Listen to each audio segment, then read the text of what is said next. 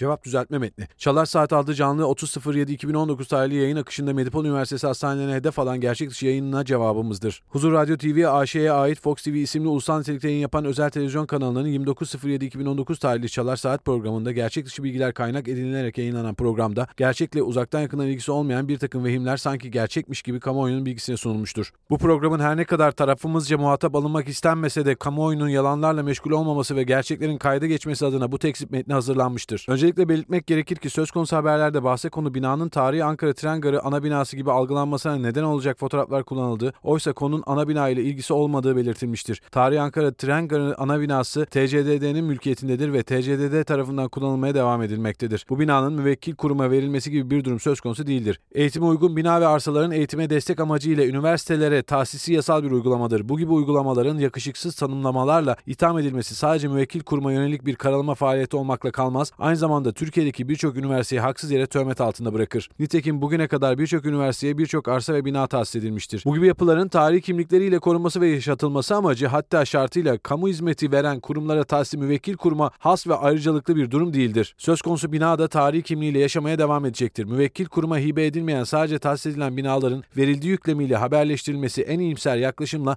hukuki bir gerçeğin tarif edilmesi anlamına gelmektedir. Müvekkil kurum Ankara Garı'nın ana binasını değil ek bina ve misafirhanesini Milli Emlak'tan reel raiç bedelle 30 yıllığına kiralamış bulunmaktadır. Yani hibe verilme gibi bir durum söz konusu değildir. Söz konusu işlem bundan yaklaşık 12 Haziran 2018 tarihinden önce gerçekleştirilmiş bir işlem olup bu işlemin bugün olmuş gibi gösterilmesinin hem bazı siyasi amaçlara hizmet etme hem de kayıt dönemi öncesi üniversiteyi itibarsızlaştırmaya çalışma teşebbüsü olarak şüphe uyandırdığı aşikardır. Nitekim haber içeriklerinde hiçbir zaman Ankara Medipol Üniversitesi'nde mütevelli heyet başkanı, üye veya yönetici olarak yer almamalarına, bakanlık görevlerine başlamalarının hemen ertesi gün İstanbul Medipol Üniversitesi'ndeki üyelik dahil tüm görevlerinden ayrılmalarına hatta Ankara Medipol Üniversitesi ile ilgili tahsis işleminin bakanlık görevlerine başlamalarından önce yani 12 Haziran 2018 tarihinde olmasına rağmen TC Sağlık Bakanı Doktor Fahrettin Koca'nın adlarının ısrarla yer alması karalama kampanyasında bilinçli bir kasıt olduğunun açık bir delilidir. Şunu vurgulamak gerekir ki sözde haber gibi geçen tüm iddiaların ve isnatlar tamamen gerçek dışıdır. Müvekkil kurumu asılsız iddialara irtibatlandırarak itibarını zedeleyici yayın yapması her bakımdan hukuka aykırıdır. Tüm eylem ve işlemlerini hukuk dairesinde yapan müvekkil kurum adına Fox TV ve Çalar Saat adlı programıyla sunulan bu hukuk dışı eylemin hesabı hızlı ve etkin bir şekilde yargı önünde sorulacaktır. Kamuoyuna saygılarımızla sunarız. Medipol Üniversitesi Vekili Avukat Mustafa Doğan İnal 18 Şubat 2020 günlerden salı İsmail Küçükkaya ile Demokrasi Meydanı hoş geldiniz. Türkiye'nin içinde bulunduğu koşullara, Türkiye'nin yaşadığı olağanüstü şartlara rağmen Türkiye'nin bağımsız ve tarafsız kanalında Türkiye'nin hakikatlerini konuşan Çalar Saat'tesiniz. İsmail Küçükkaya ile Çalar Saat ailesi uyandı ve her birinize günaydın diyorum. Doğrusunu söylemek gerekirse hayat pahalı. Bugün haberler, manşetler ve Çalar Saat gazetesini işte bu gerçek ışığında hazırladık efendim. Yönetmen kardeşim Serdar'dan hemen gazete manşetlerini getirmesini rica edeceğim. Ve bugün haberler, manşetler, sürprizler var. Sürprizler. Her birini sizlerle paylaşma imkanı bulacağım. Bugün Gezi Parkı davası var. Bu konuda özel haber ve dosyalarımızı da sizlerle paylaşma imkanı bulacağım. Hadi buyurun ilk manşeti beraber atalım. Hepimiz oradaydık diyor Bir Gün Gazetesi. İktidarın korkulu rüyası olan Gezi Parkı direnişi yargılanıyor. Biri tutuklu, 9 tanıkla devam eden yargılamaya Türkiye'nin her köşesinde Haziran isyanına katılan milyonlar el koydu. Gezi biziz. Dilan Esen bu konuda haberler ve röportajlar yapmış. Bir gün gazetesinin birinci sayfasında ve beşinci sayfasında detaylı olarak yer almış. 18 Şubat'ta, 18 Şubat 2020'de Gezi Parkı davası da var. O konudaki haberleri sizlerle paylaşacağım. Ama önce haber yolculuğumuzun ilk durağı için deprem felaketi yaşayan Elazığ'a ve Malatya'ya gidiyoruz. Deprem bölgesinde gökyüzü açık, sıcaklıklar artıyor ancak gece saatlerinde buzlanma devam ediyor. Yağış etkisini yitirdi, geriye soğuk havası kaldı. 6,8'lik depremle büyük acıların yaşandığı Elazığ ve Malatya'da bugün gökyüzü açık, güneş görülüyor. Sıcaklıklarsa artışa geçiyor.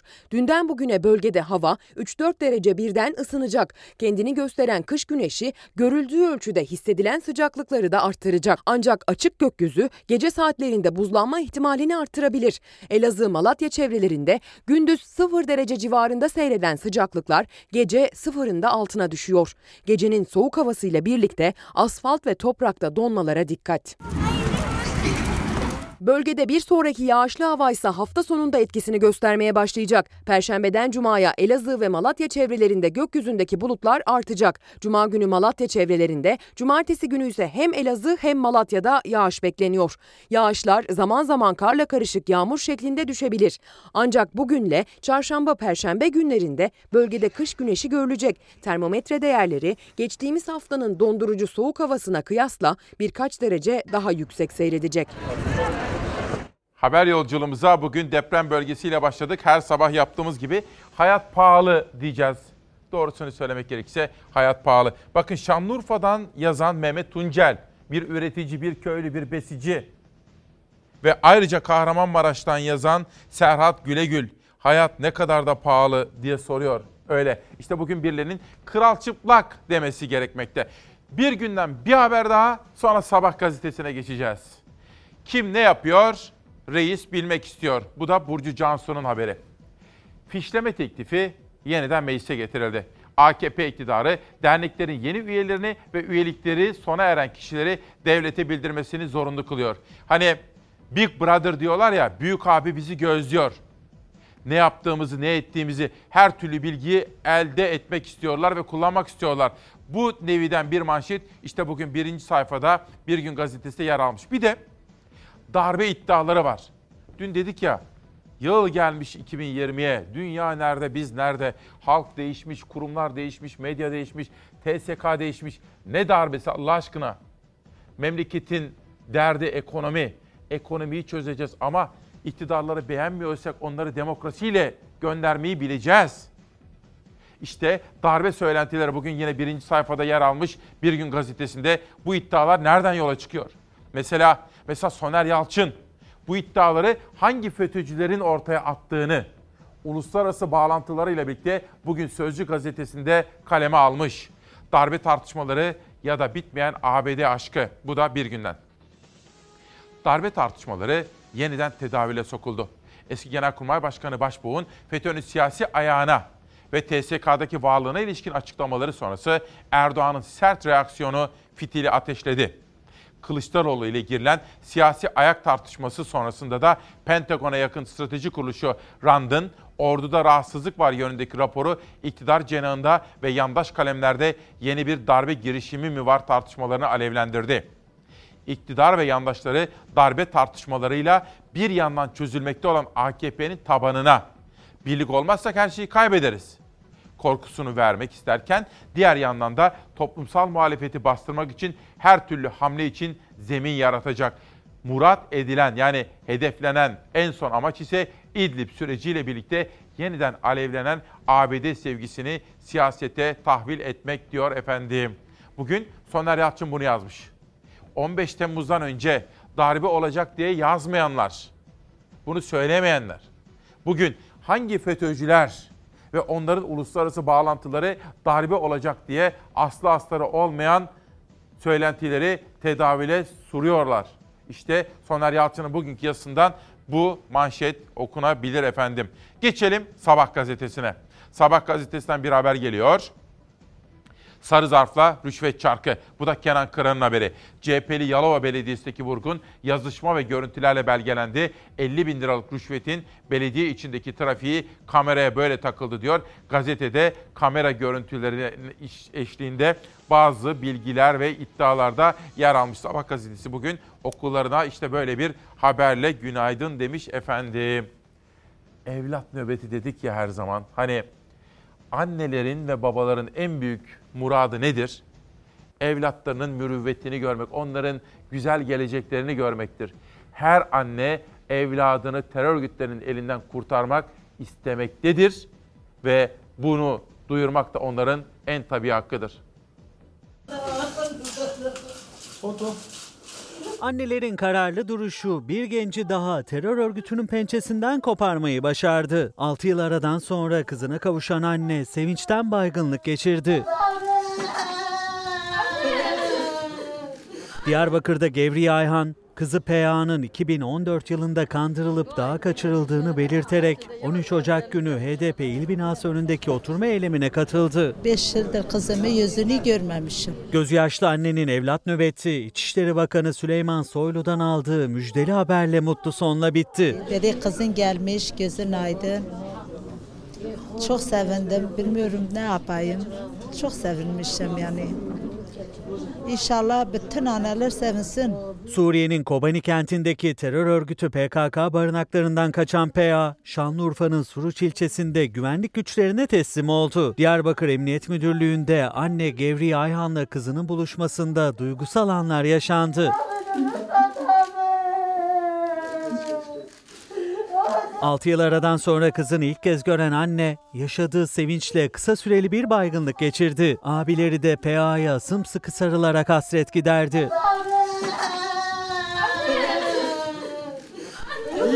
PA'nın teslim olmasıyla birlikte oturma eylemi yapıp evlatlarına kavuşan aile sayısı 7'ye yükseldi. Kızına kavuşan anne Gevriye Ayhan, diğer annelerin de aynı sevinci yaşamasını diledi. İnşallah bütün buradaki analar hepsi sevinsin. Annelerin kalbi gülsün diyoruz. Günün mesajı olsun. Adana'dan Bülent Bilici Türkiye'mize en kalbi duygularını göndermiş Bülent Bey'e, Bülent Bilici'ye çok teşekkür ediyorum. Davut Azboy. Önemli bir mesaj. İsmail Bey günaydın. Elazığ depremin üzerinden neredeyse bir ay geçti ama halen okullar kapalı. Tam olarak okulların ne zaman açılacağını da belirtmiyorlar diyor. Twitter'da Davut Azboy isimli arkadaşım Elazığ depreminden sonra okulların halen neden açılmadığına dair bir sorgulama mesajı atmış. Böylece Sabah gazetesini tamamladık sözcüye geçelim. Bugün bir de hem bu darbe şayiaları, bu söylentilerin kaynağı, buradaki FETÖ bağlantıları hem de bir taraftan bu FETÖ'nün siyasi ayağı nerededir? İşte bütün bu konuları da yine konuşacağız. Sözcüden bir manşet. İşte 15 yıl önceki FETÖ önergesi. CHP tehlikeyi 2005'te görüp meclisi mecliste uyarmıştı. İktidar tarafından FETÖ'nün siyasi ayağı olmakla suçlanan Kemal Kılıçdaroğlu ile Muharrem İnce'nin de aralarında olduğu 72 CHP'li vekilin çağrısını AKP dikkate almadı. Peki bu önergede neler varmış? Ankara'nın deneyimli ve başarılı gazetecilerinden Emin Özgönül bu konuda bir yazı kaleme almış. Okuyalım bakalım. Eğitim alanında kamu gücünden sonra en büyük örgütlenme Fethullah Gülen okullarıdır. Fethullah Gülen'in buralarda militanlar yetiştirerek devlette kadrolaşmayı amaçladığı ileri sürülmektedir. Yüzlerce okulun yapımı, binlerce öğretmenin aylığı hangi kaynaktan karşılanmaktadır diye bir soru. Ve Gülen'e bağlı dershane, yurt ve okullardaki laik eğitim yapılmakta mıdır diye bir başka soru, bir başka anlamlı soru. Bu konudaki kaygılar araştırılmalı demiş. Önergede 2005 yılında yani 15 yıl önce bu önergedeki tespitler yapılmış ama sorulsa da bunlar önerge meclisin gündemine bile alınmamış efendim. İşte bu da ortadaki bir mesele. Sözcüden sonra başka gazete manşetleriyle de haber yolculuğumuza devam ediyorum. Öncelikle okula gitmek üzere şu anda hazırlıklarını sürdüren siz değerli öğrenci kardeşlerime de günaydın diyorum. Ve okulda öğretmenlerimizi can kulağıyla dinlememizi tavsiye ediyorum. Ve sizlere de zihin açıklığı diliyorum. Şiddetin her türlüsüne, evde, sokakta, okulda, hastanede, şiddetin her türlüsüne okulda da karşıyız. Müdür beyden gelmiş, izin istemiş, 10 gün kullanmış, gelmiş. Halini hatırını sormuş. Hiçbir şeyde tartışma falan da yaşamadık diyor. Çıkardı diyor, kapıyı kilitledi, seni vuracağım dedi diyor. Boğuştuk diyor. Kurşun omuzuma geldi diyor. Birkaç dakikanın özeti Ankara'da bir Anadolu Lisesi'nde görevli memur önce okul müdürünü makamında silahla yaraladı sonra da teslim olmamak için hayatını sonlandırdı. Ulaşamıyoruz onun için. Çocuklar çıktı. Şu anda okulda çocuk yok yani. Telaşlanıp geldim. Müdürü gördük dışarıda camdan yaralıydı. Sonra okulu boşalttılar. Öğrenciler birinci dersteyken okuldan silah sesleri yükseldi. İddiaya göre okulda çalışan memur bir anda müdürün odasına girdi. Odayı kapattıktan sonra boğuşma yaşandı ve daha sonra memur müdürü omzundan silahla yaraladı. Müdür bu sene geldi müdür bey. Pamuk gibi adam müdür bey ya. Korkunç olayın adresi Ankara'nın Etmeskut ilçesindeki Şehit Velit Bektaş Anadolu Lisesi. İddialara göre saldırgan memur bir süredir psikolojik sorunlar yaşıyordu. Yıllık izinden de yeni dönmüştü görevine. Yüzlerce öğrencinin eğitim gördüğü okula o silahı nasıl soktu soruları henüz yanıtsız. Öğrenciler, öğretmenler ve olayı duyup okula koşan veliler şoktaydı. Hiç kimseyle bir husumeti yoktu. Müdür bey zaten izin vermiş kendisine istediği izni de kendisinin kişisel sorunları yüzünden olabilir. Çocuklara bir şey oldu falan diye olabilirdi de yani. Bayağı bir korktum. Bundan sonrası için hani önlem almak lazım. Okuldan biri böyle bir şey yapıyorsa yani bizi kim koruyacak? Göreve bu yıl yeni başlayan ve odasında omzundan vurulan okul müdürü hastaneye kaldırıldı. Hayati tehlikesinin olmadığını anlattı mesai arkadaşları. Yine henüz daha çocuklarımız okula gitmedikleri için onlar henüz okula gitmeden önce onlarla ilgili bir haberim daha var. Sevgili arkadaşlar bu bir imkan. İlişki ve iletişim imkanı. Bu da öyle. Ama imkan olan bu teknolojinin nimetleri aslında iyi kullanılmazsa birer de tehdide, birer riske dönüşüyor. İşte bu konuda bir bilgilendirici haberimiz var. Önemli bir haber. Siber güvenlik. Yani teknolojinin nimetlerinden faydalanmamız gerekirken onun olası risklerinden de kendimizi korumayı öğrenmemiz gerekiyor. Bu konuda bir haberim var. Ama önce günün siyasi gelişmelerini de aktarmak isterim. Bir önceki Cumhurbaşkanı Abdullah Gül konuştu. Önemli açıklamaları var. Bugün siyaset dünyasında çok konuşulacaktır. 11. Cumhurbaşkanı Abdullah Gül ilk kez karara konuştu. Parlamenter sisteme dönmek şart. Türk tipi başkanlık sisteminin başta ekonomi olmak üzere, hukuk dünyası dahil olmak üzere Türkiye'de çok ciddi sıkıntılara yol açtığını söylüyor Abdullah Gül. Ve Türkiye'nin parlamenter sisteme dönmesi, sistemini revize etmesi gerektiğini, hukukun üstünlüğünü yeniden tesis etmesi gerektiğini, siyasetçilerin, gazetecilerin, yazarların ve düşünürlerin tutuksuz yargılanması gerektiğinin altını çiziyor Gül. Bütün bu konulardaki Karar Gazetesi yazarlarına yaptığı açıklamaları okudum. Sizler için altını çize çize notlar çıkarttım. Ekip arkadaşlarımla birlikte bu konuda da çalıştık ve bir önceki Cumhurbaşkanı Gül'ün söylediklerini sizlere paylaşacağım. Ben diyor gayet tabii ki bu kadar tecrübeye sahibim. Köşesine çekilip durup oturacak birisi değilim. Ülkem için kaygılarım ve hayallerim var. Aktif siyasete girecek değilim. Ama ben Ali Babacan'ı sever ve ona güvenirim. Ali Babacan ve arkadaşlarının kuracakları partiye de destek vereceğim. Diyor parlamenter sisteme dönmek gerektiğini söyleyen Abdullah Gül az önce ifade ettiğim gibi bugün çok detaylı olarak çalıştık. Konu başlıklarını çıkarttık ve sizlere Abdullah Gül'ün söylediklerinin manşetlerini derleyip toparlayıp aktarma imkanı bulacağım. Sözcüden bir haber daha gelsin. Tabutta yaşamak istemiyoruz. Deprem korkusuyla yaşayan vatandaşların çığlığı. İstanbul Avcılar'daki riskli binalar acilen yenilenmeli. Ancak en büyük engel imar. Geçen haftadan beri sesini duyurmaya çalışıyor. Avcıların seçilmiş belediye başkanı Hançerli. Avcılar'da imar yetkisi belediyeye verilmediği için yüzlerce hasarlı bina yenilenemiyor. Başkan Turan Hançerli halkın talebi rant değil. Halkın talebi güvenli evler dedi. Halk ise iktidar bu sesi duysun diye sesini yükseltti efendim. Çocuklarımıza seslenmek istiyorum. Okula gidecekler. Çocuklar, telefonlar, tabletler, şunlar bunlar. Teknolojinin bize sağladığı imkanlardır. Onlar bize dünyayı ve bilgili, bilginin kapısını açarlar. Ama dikkatli ve uyanık olmamız gerekiyor. Bir taraftan riskleri de var. Bunu da göz önüne almak zorundayız. Sen beni asla yenemezsin bu oyunda. Artık neredeyse her evde bir bilgisayar ve internet var. Gerek iş için, gerek eğitim, gerek eğlence amaçlı kullanılıyor. Ama internet kullanıcısı çocukların ve gençlerin ortak bir sorunu var. Siber zorbalık. Artan internet kullanımıyla birlikte dijital taciz ve siber zorbalık eylemleri de artıyor. Özellikle gençler arasında yaşanan siber zorbalık travmatik sonuçlar doğurabiliyor. İnternete erişimi bulunan 15-24 yaş arası gençlerin %70'inden fazlası dijital taciz ve siber zorbalığa maruz kalıyor. Uluslararası Telekomünikasyon Birliği'nin verilerine göre gelişmiş ülkelerde 15-24 yaş arası gençlerin %94'ü internet erişimine sahip. Dünya genelinde de bu oran %50'den daha fazla. Yani dünya genelinde siber zorbalığa maruz kalanların sayısı 10 milyonlarla ölçülüyor. Gençler arkadaş çevresinde maruz kaldıkları zorbalıkla da kendileri mücadele etmeye çalışıyor. Üstelik bu zorbalık anne babaların açıkça görebileceği fiziksel şiddetin dışında duygusal şiddeti de içerebiliyor. Dijital taciz ve siber zorbalıkla mücadelede en önemli adımlardan biri eğitim ve bilinçlendirme. Ama caydırıcı cezalar da gerekiyor. Yani hukuki düzenleme şart. İşte böyle bir gün ve İsmail Küçükkaya Demokrasi Meydanı'nda hayat pahalı diyoruz. Hayat pahalı.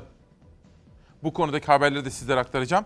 Bir önceki Cumhurbaşkanı Gül'ün sözleri içinde şu da çok önemli. Meclis hiçbir zaman bu kadar önemsizleştirilmemişti. Türkiye'nin şu anda tuhaf bir sistemle yönetildiğini düşünüyor Gül ve buna da Türk tipi başkanlık sistemi diyor. Çünkü normal başkanlık sistemindeki gibi de, denge denetleme mekanizmalarının olmadığını düşünüyor ve bizim parlamenter sisteme dönmemiz gerektiğinin altını çiziyor.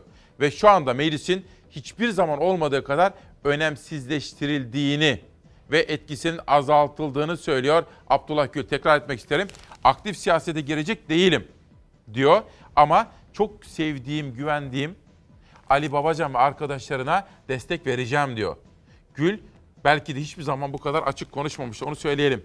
Günün köşe yazılarına baktığım zaman bugün 18 Şubat 2020'de Gezi Parkı davası da var efendim.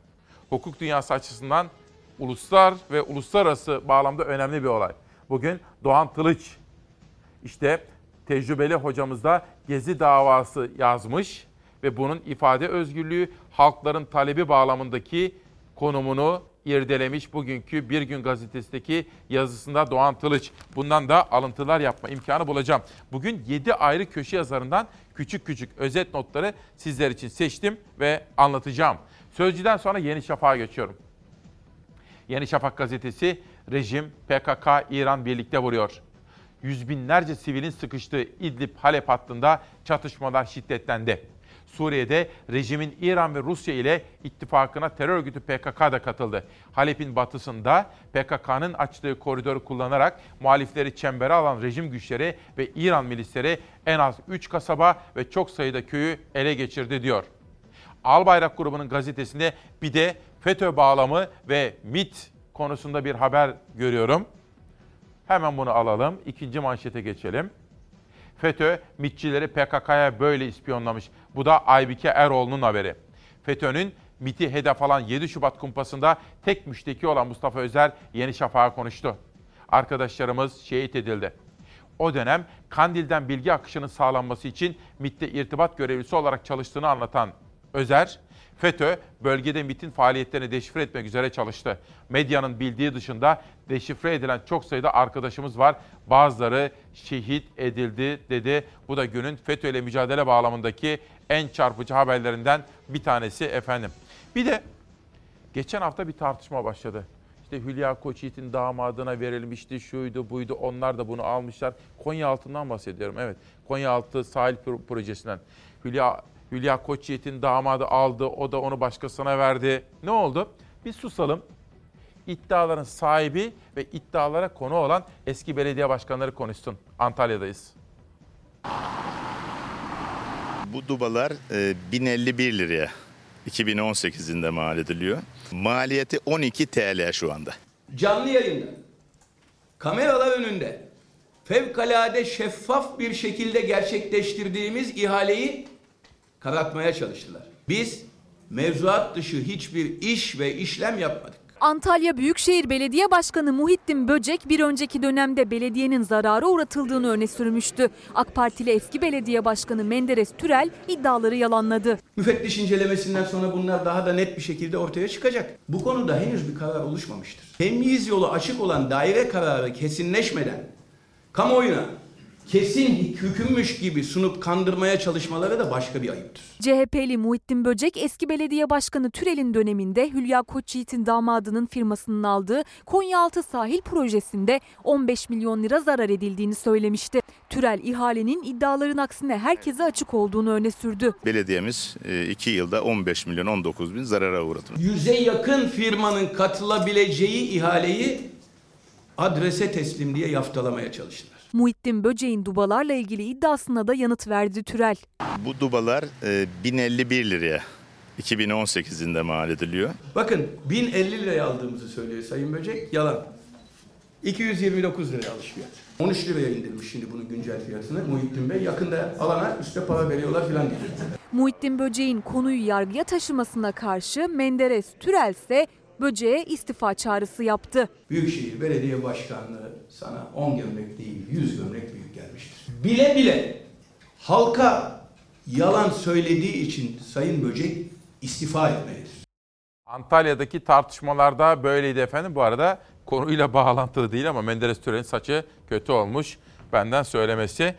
Tabii güzel mesajlar var. Ayşe Hanım, Hatice anne çok teşekkür ediyorum dualar için ama Erhan Genç gibi henüz yüzünü yıkamadan, Bismillah diyerek güne başlamadan sağa sola hakaret edenler de var. Onlardan bahsetmeyelim şimdilik. Çünkü konuşmamız gereken haberler var. Mesela bu sabah hayat pahalı dedik manşet olarak. Hayat pahalı. Gazete Pencere. Herkese ayrı milat, FETÖ'yle mücadele ve ortaya çıkan manzaranın çelişkileri. Pencereden okuyorum. Buran Kuzu'nun başı bu defada açılan eski defterler nedeniyle dertte. Firari FETÖ sanığı Harun Tokak, Kuzu'ya Cumhurbaşkanı olmak için bize az yalvarmadın dedi. Organize suç örgütü lideri Zindaşti'nin hapisten çıkması için devreye girmekle suçlanan ve hakkında inceleme başlatılan Burhan Kuzu, sosyal medya üzerinden Gazeteciler Yazarlar Vakfı'nın eski başkanı Firari FETÖ sanığı Harun Tokak ile tartıştı. Tokak, Erdoğan'a, Tokak, Erdoğan'a söyle beni Cumhurbaşkanı yapsın diye bana yalvardığını ne çabuk unuttun dedi. Kuzu, Tokak ile dostluğum vardı ama 15 Temmuz'da gerçek yüzlerini gördüm diye yanıt verdi. Yani milat olarak 17-25 Aralık'ı değil 15 Temmuz'u geçti diyor efendim. Bu FETÖ'nün siyasi ayağı konusunda bence en dikkate çek alınması gereken açıklamalardan birini Saadet lideri yapıyor. Ama Saadet liderini dinlemeden önce Hürriyet gazetesi genel yönetmeninin bugün Hüseyin Gülerce ile ilgili bir yaz, yazısı var efendim. Bence dikkate alınması gereken önemli yazılardan bir tanesi. Ahmet Hakan bugün, buraya gelelim. Heh. Ahmet Hakan bugün Hüseyin Gülerce ile ilgili bir yazı kaleme almış. Ama önce Saadet Partisi liderini dinleyelim. Sonra Ahmet Hakan ki Ahmet Hakan bugün meslek büyüğümüz Hıncal Uluş'tan da bir tebrik almış. Onun da medya notu olarak altını çizmiş olalım. Ya ben bunu Sayın Kılıçdaroğlu da başkası da söylemeden önce ya yani siyasi ayağı AK Parti'nin kendisidir. Dedim de bunu. Ha bu şu manaya gelmiyor. Bugün AK Parti bu ayağı aynen devam ettiriyor. Yok. Ama bir ittifak yaptılar mı? Ne zaman? 2002 yılından itibaren bunları adalet mekanizmasına ben yerleştirmedim. Polis teşkilatında hakim olmalarını ben sağlamadım. Askeriyede belli yerlere kadar gelecek tarzda destek ben vermedim. Kılıçdaroğlu da vermedi. Başkası da vermedi. Sayın Bahçeli de vermedi.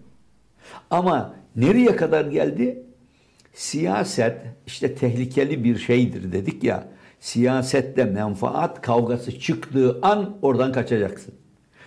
Menfaat kavgası çıktı. Evet kim bu memleketin siyasetinde hakim olacak denildiğinde o grup dedi ki biz olacağız kusura bakma seni buraya aslında biz getirdik dediler. İhtilale kadar gittiler. İhanet ettiler. Hem ülkeye ihanet ettiler hem de AK Parti'ye ihanet ettiler. Bu da bir gerçek. Yani AK Parti'dir dediğimiz zaman ben hep Tayyip Erdoğan'ın, Sayın Cumhurbaşkanı'nın şu e, tasnifini doğru buluyorum. Dedi ki bunlarla ilgili şimdi anladık ki bunların üstü ihanet, ortası ticaret, altı da ibadet için bu işe girmişler. E ya ihanet içinde bulunanlar on binler olmaz. Yüz binler olmaz. Bu bir gruptur. Ha ticaret için girenler menfaat için girmiştir. Ama alt taraftaki insanlar bankaya para yatırmış, çocuğunu okuluna vermiş, onun yurdunda kalmış bilmem hangi gazeteye abone olmuş. Ya bunların hiçbir tanesinin tepedekilerin ihanetiyle hiç alakası bile yok. Bunu kendisi tahsis etti, söyledi. Ben söylesem ben de suçlanabilirim belki. Onun için şu anda bir mücadele var. Ya burada bu kavgayı bitirmek lazım arkadaş ya. İşte Sayın Cumhurbaşkanı dedi bu bir hata yerinde kabul ediyor. Bitti gitti. Şimdi yani Bu gruba bulaşmayan tek siyasi parti biziz. Herkes biliyor. Saadet lideri diyor ki geçmişe bakalım diyor. FETÖ'nün siyasi ayağına bakıyorsanız AK Parti'dir. Bunu ben söylerim diyor efendim Saadet lideri. Ve Esin Hanım diyor ki hayat gerçekten pahalı ama bunu Türkiye'de dile getiren bir tek siz varsınız diyor. Önceki gün yürüyüşteydim. Daha doğrusu bir yere gidiyordum. İlber hocalarla buluştum. Sonra Adana'dan misafirlerim vardı. Size anlattım ya. Yolda bir genç dedi ki İsmail abi dedi seni seviyorum ama ben AK Parti olabilir dedim. Hepsi bizim. Ya dedi hiç iyi şey yok mu dedi. E ama var onları da anlatıyorum dedim. Çıkarttım kamerayla çektim. Hali vakti yerindeydi. Hatta dedi ki benim eşimin dedi 12 bin liralık dedi cebinde cep telefonu var dedi. Videosunu çektim ben de. İznini aldım Soner kardeşim AK Partili.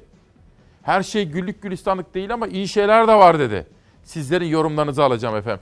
Etiket oradan aklıma geldi. Hayat pahalı. Fesih, Sayın Küçükkaya, sayende işe geç kalıyorum. Bu ay doğalgaz faturam kaç lira biliyor musun? Düşüre düşüre 450 liraya düşürdüm. Üşüye üşüye oturuyorum. Fesih. Fesih 55, 66, 59, 11 rumuzu arkadaşım. Esin Hanım da bir başka Esin Hanım. Hayat pahalı falan değil arkadaşlar diyor. İsmail diyor. Provokasyon mu yapıyorsun? İroni yapıyor aslında. Hayat pahalı değil. Siz diyor fakirsiniz. Biz bolluk bereket içinde yaşıyoruz. Yani o da ironi yapıyor. Az evvel sizlere demiştim ki bugün Ahmet Hakan tabi Hıncal Uluş'tan da bir tebrik almış gazete yönetimiyle ilgili. Ama ben bugün Ahmet Hakan'ın şu yazısını sizlerle paylaşmak istiyorum. Hüseyin Gülerce'den toplumsal bir rica. Türkiye sizi FETÖ denilen yapının tam göbeğinde yer alan biri olarak tanıdı Hüseyin Bey. Bir ara sözcü olarak bile bilindiniz. Şaka değil. Sonra ama çok sonra yolunuzu ayırdınız. İyi de yaptınız. Hem de çok iyi yaptınız. Kutlarım. 15 Temmuz'un hemen ardından bu yapının iç yüzüne dair itiraflarda bulunmanız da kıymetli bir hizmet oldu. Fakat fakat Hüseyin Bey 40 yıl bir fitne ve habaset kapısının tam göbeğinde yer alıp da bu yapının iç yüzünü tanıyamamış olmak tarihte eşine benzerine rastlanmayacak türden bir aymazlıktır. Bu eşsiz aymazlığınız nedeniyle sizin artık aleme nizam vermeye çalışan işlerden uzak durmanız gerekir diye düşünüyorum. Yazıyı çiziyi bırakıp 40 yılda bu adamların iç yüzünü ben nasıl oldu da anlayamadım diye muhasebe yapmak için uzdete mi çekilseniz acaba? Bir insan böyle bir trajediden ancak böyle bir sonuç çıkarmalıdır bana göre diyor. Yani 40 yıl içinde yer aldınız onların ne olduğunu ancak 15 Temmuz'da gördünüz diye soruyor ve artık siz bir kıyıya köşeye çekilseniz de otursanız öz eleştiri yapsanız diyor Ahmet Hakan. Hüseyin Gülerci sağa sola FETÖ'cü diye laf atıyor ya. Ahmet Hakan da diyor ki bu diyor trajedi bile değil. Sizin böyle yapmanız komediden ibarettir diyor. Bugün Hürriyet gazetesinin genel yayın yönetmeni Ahmet Hakan çok konuşulacağını düşündüğüm yazısında. Bir de deprem meselesi var değil mi efendim? Depremi unutmayalım. Bir taraftan hayat pahalı. Ekonomiyi konuşmamız gerekiyor. Halkın şu anda kahvehanelerde, çorba salonlarında, dinlenme salonlarında olan veya evlerinde yeni güne benimle birlikte hazırlananlar biliyorlar ki hayat pahalı. Gerçek bu. Ama bir de deprem riskimiz var.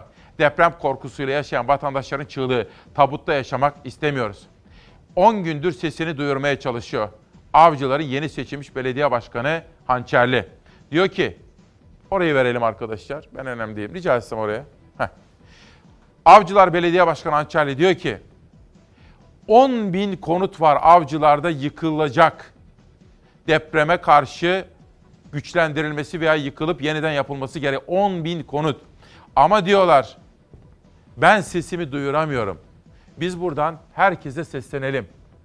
10 bin konuttan bahsediyor ve İstanbul'da 10 yıl içinde 7 ve 7'nin üzerinde bir depremin olma olasılığı %50 ile %60 arasında. Yani bir deprem geliyor.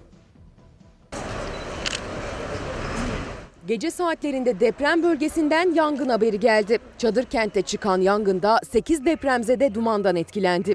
Artçı sarsıntılarında devam ettiği bölgede 4,2'lik bir depremse bir binanın yıkılmasına yetti. Gitti bak ben sana dedim baba baba izle. 24 Ocak'ta merkez üssü Elazığ Sivrice olan 6,8'lik depremi yaşayan deprem bölgesinde artçı sarsıntılar devam ediyor. Yine sallandı bölge. Yine Elazığ Sivrice ilçesinde bu kez 4,2 büyüklüğünde bir deprem yaşandı. Saat 14.42'de yaşanan depremde ağır hasarlı bir bina yıkıldı.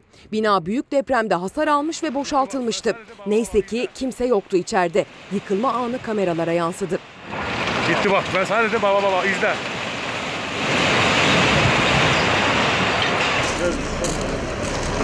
Gece saatlerinde ise Elazığ Akpınar mahallesinde kurulu çadır kentte yangın çıktı. Çadırda ısınmak için kullanılan katalitik soba devrildi. Yatağın tutuştuğunu fark eden depremzedeler çadırı boşalttı. Ancak o ana kadar yangının sebep olduğu dumana maruz kaldılar. Dumandan etkilenen 8 kişi çeşitli hastanelerde tedavi altına alındı. İtfaiye erleri ise çadırda çıkan yangını söndürdü. Ama benim evim Bakın Avcılar çok kötü yani. O kadar hasar gördü. Kayıplar verdik ama bir çivi çakılmadı. Kolonlar çatlak, tavanlar çökmek üzere. Yarım milyon kişinin yaşadığı avcılar olası bir İstanbul depremine hazır değil. Belediye Başkanı Turan Ançerli yeni imar planını İBB İmar Komisyonu'na sundu ama o plan komisyonun gündemine alınmadı. Başkan Ançerli'nin İBB İmar Komisyonu'nda başlattığı oturma eylemi sürerken Çevre ve Şehircilik Bakanı Murat Kurum açıklama yaptı. İstanbul'da vatandaşlarımızın riskli binalarda oturmasını engelleyeceğiz. Herkes evet en önemli meselemiz diyor ama en önemli meseleymiş gibi davranılmıyor.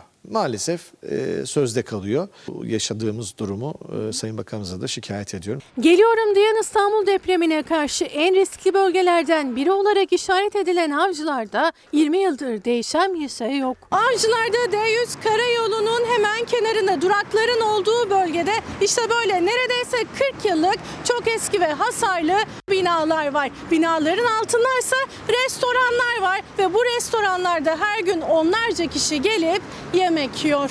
Burada e, yaşıyorduk. E, yalnız şu an başka bir yere taşındık. Örnek almışlar bir sıkıntı var mı yok mu diye. Sıkıntı çıkarsa zaten yıkım kararı falan çıkarır. Hasarlı binadan can güvenliği olur mu? Olmaz. Avcılar Gümüşpala mahallesinde D100 karayolunun hemen kenarında bu bina. İşte neredeyse 40 yıllık bu binanın kolonları çatlamış, demirleri sökülmüş. Altında duraklar var ve insanlar geçiyor. Bu bina bu şekilde tehlikeye davetiye çıkarıyor. Tehlike sadece bu değil ki. Daha beter binalar var burada. Tabii ki bir geç kalma var. Yani 20 yıl bir geç kalma var. Başkan Ançerli 20 yıl geç kaldık dedi ama Çevre ve Şehircilik Bakanı avcılar için planlanan gelişmelerden haberdar değil. direkt siz aradılar mı görüştünüz mü hiç bu konuyla ilgili? Maalesef görüşemedik. Sayın Bakanımla bir- birkaç defa görüşmek istedim ama e, olmadı. Bakanlık tarafından avcılarda bir e, proje yapıldı mı? Yapılmadı. Kentsel dönüşüm, yenilenme ve yeni konut üretimi ile ilgili e, yok.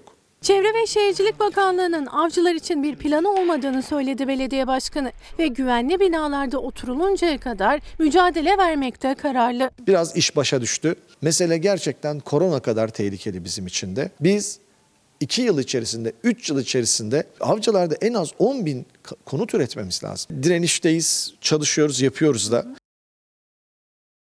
soracağım. Şimdi burada rejide tartışıyorlar. Seçil soruyor. Ne bekliyorlar? Allah aşkınıza siz de soruyor musunuz? Ne bekliyorlar efendim? Deprem geliyor. 10 yıl içinde İstanbul'da depremin olma olasılığı %60. Tarihsel istatistikler bize bunu söylüyor. Avcılarda 10 bin mi? Neyi bekliyoruz? Bundan daha önemli hangi olayımız var? Hangi meselemiz var? Allah korusun. Bakın ben bazen aklıma geliyor. Deprem olduğunda ne yapacağız İstanbul'da? Bir canlandırın kafanızda. Ne yapacağız? On binlerce ölü olacak maalesef. Biz yapmadık ki önlemleri aldık mı? Demek ki efendim 18 Şubat'ta deprem birinci manşet. Ekonomi, hayat pahalılığı manşetiyle en önemli konuştuğumuz konulardan bir tanesi. Gezi Parkı davası var bugün. Adalet bağlamı konusunda önemli. Karar Gazetesi'de konuşmuş bir önceki Cumhurbaşkanı Abdullah Gül. Ben aktif siyasete girecek değilim. Ama bu devlette bu kadar tecrübeler edindim. Onları da kıyıda köşede oturmak için edinmedim. Ülkem için çalışıyorum diyor. Ali Babacan'a çok güvendiğinin altını çiziyor ve Ali Babacan hareketini destekleyeceğim diyor. Çözüm olarak da şu anda bizi yöneten sistemin bir değişik bir sistem ya bu. Türk tipi başkanlık sistemi diyor. Türkiye'ye yaramadığını, ekonomik olarak başta olmak üzere kötü sonuçlara yol açtığını söylüyor ve parlamenter sisteme dönmek gerektiğini söylüyor Abdullah Gül. Bir de hava durumu.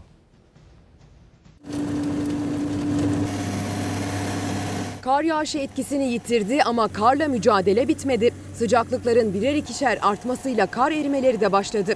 Eriyen karlar ve çığ tehlikesi korkutuyor.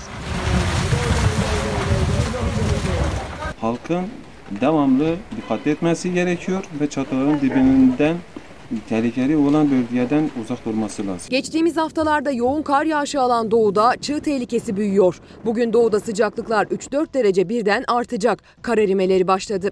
Eriyen karlar yeraltı ve yer üstündeki su kaynaklarına faydalı olduğu kadar çığ ve sel gibi riskleri de beraberinde getiriyor. Binaların üzerinde biriken kar kütleleri bile çığ gibi düşüyor.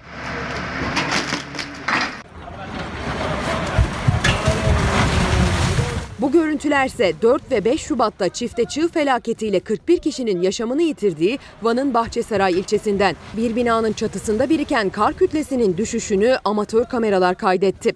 Bölgenin dağlık, eğimi yüksek ve yoğun kar almış kesimlerinde çığ tehlikesine çok dikkat edilmeli. Çatıdan düşen karlar bu şekilde evin tamamını kaplamış bulunmaktadır. Yurdun doğusunda pek çok noktada kar hala geçit vermiyor. Çiçekli mezrasında yaşayan çocuklar yarı yıl tatilini bitirdi ama kar nedeniyle okullarına bir türlü başlayamadı.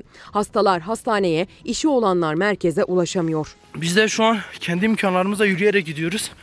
Yani aramızda lise öğrencileri var, üniversite var, hastalar var.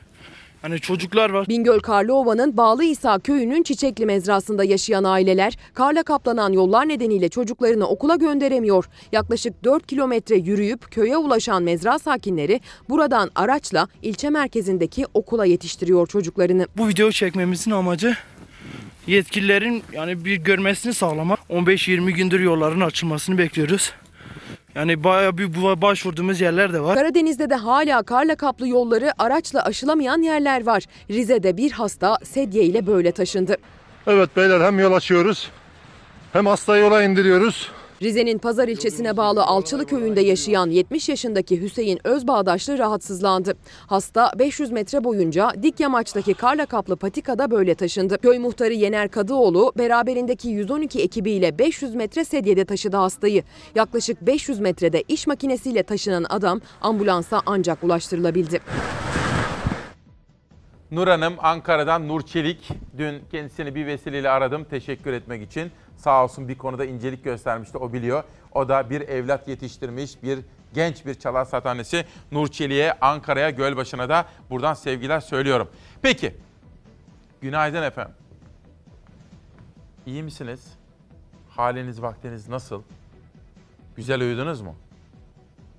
Peki sağ olun. Günün manşetini beraber atalım mı? Bizden sonra bütün Türkiye bunu konuşacak. Çünkü Abdullah Gül bir röportaj vermiş. Ve bugüne kadar alışılmışın dışında net konuşmuş, açık konuşmuş. Gül genelde lafını birazcık böyle dolandırarak veren siyasilerden idi. Şimdi açık konuşmayı tercih etmiş. Karar gazetesinden okuyorum. Günün manşeti. 11. Cumhurbaşkanı Gül ilk kez karara konuştu. Parlamenter sisteme dönmek şart. Abdullah Gül, Cumhurbaşkanlığı hükümet sistemine yönelik en net değerlendirmelerde bulundu. Cumhurbaşkanı iken de parlamenter sistemin Türkiye için daha doğru olduğunu söyledim. Türk tipi başkanlık sistemini istemedim. Benim tercihim tam demokratik parlamenter sistemden yana. TBMM yani meclisimiz bugüne kadar hiç bu kadar önemsizleştirilmemişti. Türkiye bunun noksanlığını hissediyor. Tabii Karar Gazetesi'nden Elif Çakır, Yıldıray Oğur ve Ahmet Taş getiren akıllara gelebilecek hemen hemen bütün soruları sormuşlar. Buna FETÖ dahil. 15 Temmuz hain FETÖ kalkışmasında Amerika'nın olası rolüne dair bu da var. Bunun dışında Kürt meselesi dahil ve gazetecilerin, yazarların tutuksuz yargılanması gerektiğini yani bu evrensel kuralı hatırlatıyor bize. Bence Abdullah Gül konuşarak iyi yapmış. Ali Bey parti kurma çalışmalarını sürdürürken kamuoyunu gerektiğinde bilgilendiriyor ve benimle de zaman zaman görüşüyor. 11. Cumhurbaşkanı Gül, Ali Babacan'ın kuracağı partiye desteğini açıkladı ancak aktif siyasetin içinde olmayacağını söyledi. Ben Cumhurbaşkanlığından ayrıldıktan sonra aktif siyasetin içinde olmayacağımı söylemiştim. Memleketin faydasına gördüğüm temel konularda usulüne uygun bir şekilde siyasete katkı sunmak ve görüşlerimi paylaşmak hem hakkım hem de görevim. 11. Cumhurbaşkanı Abdullah Gül Karar Gazetesi'ne verdiği röportajda gündeme dair soruları yanıtladı. Kendisine sorulan Ali Babacan'ın partisini destekliyor musunuz sorusuna net yanıt verdi. Tabii ki destekliyorum. Ali Bey'in karakterine, eğitimine, bilgisine, siyaset üslubuna güvenen ve takdir eden bir insanım. Gül aktif siyaseti bıraktığını söyledi ancak Cumhurbaşkanlığı adaylığına kapıyı tam kapatmadı. Sadece Babacan'ın partisinin kuruluş amacının bu olmadığını söyledi. Bir siyasi partinin kuruluş gerekçesi bir kişiyi cumhurbaşkanı yapmak olabilir mi Allah aşkına? Bu tip yakıştırmaları doğru bulmuyorum. Gül parlamenter sisteme geri dönülmeli dedi. Cumhurbaşkanlığı hükümet sistemiyle meclisin önemsizleştirildiğini savundu. Cumhurbaşkanı iken de parlamenter sistemin Türkiye için daha doğru olduğunu söyledim. Türk tipi başkanlık sistemini istemedim. Benim tercihim tam demokratik parlamenter sistemden yana. FETÖ'nün siyasi ayağı tartışmaları da soruldu Abdullah Gül'e. Askerlerin sivil mahkemelerde yargılanmasıyla ilgili yapılan düzenlemeyi onayladığı hatırlatıldı. Gül düzenleme anayasaya aykırı değildi, imzaladım dedi. Bunlar sivil asker ilişkilerinin Avrupa Birliği standartlarına taşınmasıyla ilgili yasalardı. Kanunlaşırken ne meclis bürokrasisi ne de partiler tarafından anayasaya aykırılığı ile ilgili bir itiraza bulunulmamış. Ben de imzaladım. Dış politikada vardı Gül'ün gündeminde. Esad rejimiyle yaşanan gerilime işaret etti. İktidarın Suriye politikasını eleştirdi. Çok kışkırtılıyor olsak da Suriye ile topyekün bir savaşa girilmemeli. İnişli çıkışlı seyreden Ankara-Moskova ilişkilerini değerlendirdi Abdullah Gül. Ölçü kaçtı dedi. Rusya'dan S-400'lerin alınmasının doğru olmadığını söyledi. Türkiye'nin Rusya ile ne düşman olması ne de kendini kaptırması uygun olur. Son dönemlerdeki ilişkilerde bu açıdan biraz ölçü kaçtı. Özellikle askeri alandaki S-400 meselesi belki en kritik olanı. Çünkü nihayette Türk Silahlı Kuvvetleri'nin bütün standartları, miğferinden tutun da hava kuvvetlerine, kara kuvvetlerine kadar her şeyi NATO standartlarında. Bugün herkes uyandıktan sonra gün içinde ve akşam dahil, yarın dahil, yarın ve bugün parti grup salonlarında da çok konuşulacaktır. Gül'ün bu sözleri çok geniş yankı yaratacaktır. AK Parti'den ben, sözcülerden ve hatta Sayın Erdoğan AK Parti lideri ve Cumhurbaşkanı'ndan da bu konuda bazı açıklamalar ve sert ifadeler gelebileceğini tahmin ediyorum. S-400 yanlış oldu diyor. Ruslardan S-400'leri alma fikri de yanlış. Çünkü sizin elinizde bir taraftan NATO'nun NATO'ya bağlısınız. NATO'nun standartları var. Oradaki silah ve teçhizat var. Bir taraftan da Ruslar var. Bu olmaz diyor Gül. Çok önemli bazı açıklamalarda bulunmuş efendim. Peki 18 Şubat 2020 İsmail Küçükkaya Demokrasi Meydanı'nda başka ne var? Bir, hadi söyleyin bana. Gündemimiz ne? Bir, Gül'ün açıklamaları tamam. İki, evet deprem. Üç, ekonomi, hayat pahalı. Dört, FETÖ, FETÖ'nün siyasi ayağı. Ahmet Hakan'ın yazısı üzerinden Hüseyin Gülerce analizi. Bu da önemli konulardan bir tanesi. Beş, Ömer Dinçer'in AK Parti'nin başbakanlık müsteşarının 2004'teki MGK kararını biz sümen altı ettik. Biz MGK'da karar alınmasına rağmen Gülen hareketin üzerine gitmedik. Bunu bilerek yaptık. Bunun siyasi sorumluluğunu Sayın Başbakan Sayın Erdoğan üstlendi diyor. Bana düşen sorumluluklar da var diyor Ömer Dinçer. Sedat Ergen'in 2017 tarihli yazısı. Bir gün sonra Cumhuriyet'te Özgür Mumcu'nun 2017 Haziran tarihli yazısı. Bunları da konuşacağız. Başka Gezi Parkı davası var bugün. Pencereden okuyalım. 18 Şubat'ta bir mahkeme görülecek. Yargının adaletli sınavı. Gezi davasının hızlandırılmış yargılamasında bugün son savunmalar yapılacak. Ardından karar bekleniyor. FETÖ'cü hakim, FETÖ'cü savcı ve FETÖ'cü polislerin oluşturdukları belgelerle yıllar sonra açılan Gezi davasında 16 sanık yargılanıyor diyor Pencere gazetesi. Tek tutuklu isim Osman Kavala. Ahim, Kavala için hak ihlali kararı vermiş, siyasi nedenlerle tutuklu olduğuna hükmederek tahliyesini istemişti. Ama mahkeme bu karara uymadı. İşte hem içeride dışarıda yerel mahkemeler, Anayasa Mahkemesi, HSYK, hem Avrupa İnsan Hakları Mahkemesi herkes bugün gözünü kulağını bu mahkemeden gelecek karara dikmiş durumda. Fakat dün şaşırtıcı ama önemli kritik bir gelişme yaşandı. Gelecek Partisi'nin kurucusu Ahmet Davutoğlu bir karar verdi. Dedi ki başta DAEŞ, IŞİD, PKK uzantıları, FETÖ terör örgütleri dışında ben de dedi şahsıma açılan davalardan çekiliyorum. Benim de dava açtığım davalardan çekiliyorum dedi. Çok ilginç. Bakın okuyalım. Hükümet üyesi olarak savcının mağdurlar arasında ismini saydığı Ahmet Davutoğlu Gezi davasından çekildi. Yani oradaki mağduriyetinin olmadığını söylüyor. Çok önemli bence.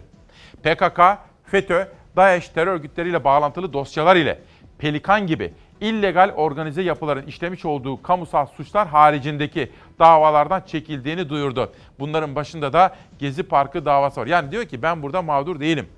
T24'te konuşmuştu. Ali Babacan da ben Gezi Parkı davasında mağdur falan değilim demişti. O da yazılı metin olarak duruyor efendim. Onun da altını çizelim. Bu şekilde olsun bakalım. Peki hayat pahalı dediğimiz bugün ülkenin içinde bulunduğu ekonomik durumu da konuşmamız gerekiyor. Bir manşet, bir fotoğraf. Eve birkaç parça sebze meyve götürmek için. İstanbul'da bir çöp konteynerinin etrafını saran kadınlar pazarcıların döktükleri meyve ve sebzelerin arasından işe yarayanları ayıklamaya çalışıyor. Görüntüler tam da Diyanet'in tasarruf için pazara akşam gidin tavsiyesi tartışılırken ortaya çıktı ve sosyal medya gündem oldu. Şimdi Doğan Şentürk aradı dün. Arkadaşım, kardeşim, bizim Fox Haber'in genel yayın yönetmeni. Dün bir şey söylemiştim burada. Hani Diyanet diyor ki hayat pahalı ya akşamları gidin pazara. Hatırlayacaksınız dün. Hatırladınız mı? Ben de demiştim ki ben Kütahya Simav'da doğup büyüdüm biliyorsunuz. Biz de çarşamba günleri pazar olurdu Simav'da. Akşam saatlerinde gider. Tam böyle hava karardı kararacak. Biraz daha ucuza alalım.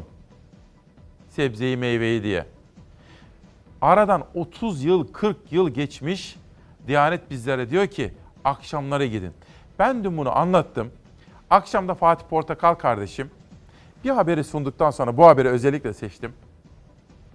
O da İstanbul'a öğrenci olarak gurbete geldiği zaman yaşadığı sıkıntılardan bahsetmişti. İşte Doğan Şentürk beni aradı dedi ki biraderim dedi işte biz buyuz hep beraber. İsmail Küçükkaya akşamları pazara giden bir çocuk. Fatih Portakal öğrenciliğinde zorluklar çekmiş bir genç. Dedim ki Doğan sen de öyle rahmetli Ayen Şentürk bir öğretmenin evladısın. Aslında Fox'u Fox yapan ne biliyor musunuz? Hayatın ve halkın içinden geliyoruz ve hayatı ve halkı iyi biliyoruz.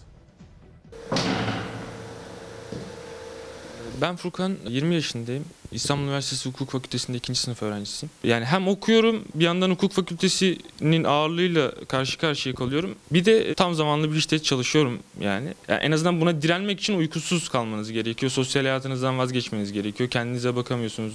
Yani şöyle söyleyeyim. Geçen e, mesela sınav sürecini atlattım bu şekilde. 3 günün sonunda Marmaray'da uyuyabildim.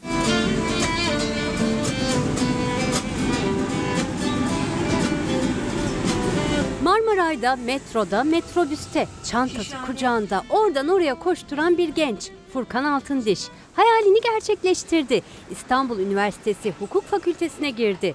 Aydın'dan, baba ocağından çıktı, mega kentte geçim gerçeğiyle yüzleşti. Okumak için çalışmak zorunda kalan on binlerce üniversiteliden biri. 3 öğrenci olarak kalıyoruz. Ee, Kiranız ne kadar? 2100 TL. 700-700 paylaşıyoruz. Evet. Faturaları ortak paylaşıyoruz. Ne kadar geliyor aylık fatura ortalama? Yani kış aylarında 400-500 TL arası doğalgaz faturası geliyor. Stabil olarak da 100 lira elektrik faturası geliyor. Aslında öğrencilerin alım gücünü çok düşen zamlarla karşı karşıya kalıyoruz. Yani bu zamlar tabii ki de küçük görünse de öğrenci için oradaki kuruşlar bile değerli olabiliyor bu konuda. Yemekhane ücretleriyle ilgili arkadaşlarıyla birlikte bu meydanda verdikleri mücadeleyi kazandı Furkan Altındiş. Ama okul dışındaki gıda harcaması, barınması, ulaşımı, sosyal hayatı yani giderleri ve mücadelesi bitmiyor bir öğrencinin. Poğaça ve e, tavuk döner yemekten öğrenciler gına gelmiş durumda.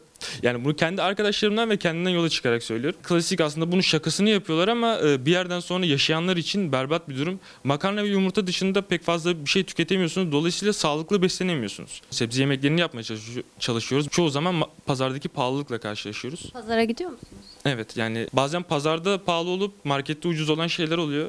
Bu sefer marketten almak durumunda kalıyoruz. Babası emekli, annesi ev hanımı, okuyan bir kardeşi daha var. Ailesine yük olmak istemediği için İstanbul'a geldiğinden beri çeşitli işlere girdi. Marangoza çırak da oldu, garson da. Şimdi tam zamanlı çalışıyor. Okuldan çıkıyor, işe gidiyor. Bir hukuk öğrencisinin, ikinci sınıf bir hukuk öğrencisinin yıllık kitap masrafı 2000 TL'ye kadar çıktı. Hatta ben KYK bursu alıyorum ve bu KYK bursuyla e, 4 ayın sonunda ikinci sınıf kitaplarımın tamamını alabiliyorum. Yani birinci dönem bitiyor ve ancak birinci dönemin sonunda kitaplarımı almış oluyorum. 550 TL ve ben 3 öğün e, tavuk döner yesem dahi bu burs karşılamıyor bir aylık masrafımı. Çalışan öğrencilerin kurduğu öğrenci sendikası da şartların iyileştirilmesi için görevde. Çünkü 2018 verilerine göre Türkiye'de 408 bin üniversite öğrencisi okulu bıraktı. En büyük nedenlerden biri eğitim masrafları. Derslerden çok masrafların zorladığı o gençlerden Furkan da güç almak için umutlarını duvarına astı. İşte o nedenle ben Mansur Yavaş öğrencilere çorba dağıtımına başladım dediği zaman çok sevindim. Çünkü bir taraftan okuduk, bir taraftan çalıştık. Ama sıcak çorbayla karın doyurmanın hatta deyim yerindeyse bir sulu yemek diyelim kuru fasulye bunu yarım ekmekle yiyip karın doyurmanın ne demek olduğunu öğrenci kardeşlerim iyi bileceklerdir. Bütün hayatımız boyunca çalışarak hem çalışıp hem okuduk mi? Hepimizin hikayesi aynı. İşte Rıfat da bana, bana bunu söylüyor. Annem diyor ki diyor bak İsmail abin de aynı böyle yapmış diyor. Hepimiz öyleyiz efendim hepimiz. Kaç kişi zengin okuduk ki böyle bir eli yağda bir eli bağda? Çok az insan var öyle. Aslanım evet İstanbul'da özellikle ulaşım da çok pahalı diyor efendim. O da bize görüşlerini aktarmış. İşte böyle. Türkiye'nin gerçeklerini konuşmamız gerekiyor ki gerçekleri konuşursak iktidar öğrensin, muhalefet öğrensin ki halkın gündemini onlar sorunları çözmek için kullansınlar. Karar gazetesinde parlamenter sisteme dönmek şart diyen bir önceki Cumhurbaşkanı Abdullah Gül'ün sözleri var. Geçelim karardan Cumhuriyet'e. Nasıl buldunuz Gül'ün sözlerini? Özellikle parlamenter sisteme dönelim şeklindeki sözleri. Aktif siyasete girecek değilim ama Ali Babacan'a güvenirim. Onu destekliyorum şeklindeki sözleri nasıl buldunuz? Bir soru daha sorayım. Gül diyor ki evrensel hukuk kurallarına göre gazetecilerin, yazarların, düşünürlerin, siyasetçilerin varsa haklarında bir iddia tutuksuz yargılanmaları gerekir. Gazeteciler, yazarlar, düşünürler ve siyasetçiler haklarında bir iddia varsa tutuklu yargılanmasınlar. Bu Türkiye'yi rahatlatır. Evrensel hukuk kurallarına uygun olan tutum budur diyor Gül. Bunun altına ben de imzamı atarım. Cumhuriyet'ten bir manşet. Onlar da parsellemiş. Sertaç eş imzalı bir manşet. Gökçe'nin belediye başkanlığı döneminde FETÖ'cülerin her engeli aşarak raiç bedelinin çok altında TOKİ'den aldıkları Keçiören Saray'daki arsada kurulan ikinci kooperatiften de dikkat çeken isimler çıktı. Kooperatifin başkanı Önder Aytaç. Eski Polis Akademisi öğretim üyesi Aytaç yakalama kararını önceden öğrenerek yurt dışına kaçmıştı. Tanınmış FETÖ'cülerden Emrullah Emre Uslu'nun da kooperatif listesi var. İki isim de FETÖ'nün Operasyon Gazetesi tarafta yazmıştı diyor Sertaç Eş bugün Cumhuriyet Gazetesi'nde. Bir haber daha gelsin. Darbe senaryoları yeniden dolaşımda. İktidar her alanda sıkıştı. FETÖ komplolarını anımsatan söylentiler arttı. Geçmişte FETÖ ile ürettikleri darbe senaryolarıyla TSK'daki büyük tasfiyeye katkı sağlayan AKP yandaşları yine benzer söylentileri ısıtıyor. iktidara yakın yazarlar darbe Kemalistlerden gelecek iddiasında bulundu. FETÖ mağdurları İlker Başbu ve Ahmet Yavuz, senaryolar FETÖ komplolarını hatırlatıyor. Mağduru oynamak artık kabak tadıdır dedi. Burada Soner Yalçın bugün bir yazı kalem almış. Bu darbe olacak yalanını ortaya atan o sözde kuruluşlar var ya, onların FETÖ ile olan bağlantılarından bahsediyor. Mesela hain FETÖ kalkışmasının yaşandığı 15 Temmuz'u neden önceden söylemediler diye bir soru soruyor. Ve bu tartışmaları ortaya atanların genellikle FETÖ'cüler olduğunu, FETÖ'nün taktiklerini kullandıklarını da isim isim vererek irdeliyor Soner Yalçın 18 Şubat 2020'de yani bugünkü yazısında efendim. Buradan Son Söz gazetesine geçelim. Bu sabah ulusal gazetelerin arasına bir Ankara gazetesi aldım. Çünkü esnaf manşeti gördüm orada. Esnaf vergi barışı istiyor. Türkiye Esnaf Sanatkarlar Konfederasyonu Genel Başkanı Palandöken. Ya Türkiye'de bütün bakkallar, büfeler, tekel bayileri, bütün esnaf işte oraya bağlıdır, teske. Onların başkanı Palandöken diyor ki yeni bir vergi barışıyla esnaf ve sanatkarlarımız geçmişteki borçlarından kurtulurken devlet bütçesine de gelir sağlanmasının önü açılmalı diyor efendim. Yönetmenim Serdar'dan rica etsem de Pencere gazetesine geçsek. Demek ki bu özel sabahta bir, hayat pahalı diyoruz, ekonomiyi konuşuyoruz. İki, siyasetteki gelişmeleri konuşuyoruz Abdullah Gül'ün sözleri üzerinden ki bugün çok tartışılacak. Üç, deprem ve ihmaller. Yaklaşmakta olan depreme karşı alınması gereken tedbirler. Dört, FETÖ, FETÖ'nün siyasi ayağı tartışmaları. Bu konuda da Pencere gazetesi bir manşet dikkatimi çekti. Herkese ayrı milat. Buran Kuzu'nun başı bu defada açılan eski defterler nedeniyle dertte. Firari FETÖ sanığı Harun Tokak Kuzu'ya demiş ki, Cumhurbaşkanı olmak için bize az yalvarmadın. Yani Buran Kuzu ile arasında geçtiğini iddia ettiği bir diyaloğu bu şekilde anlatıyor ve Buran Kuzu'ya diyor ki Cumhurbaşkanı olmak için bize az yalvarmadın diyor. O halde şimdi ben susacağım.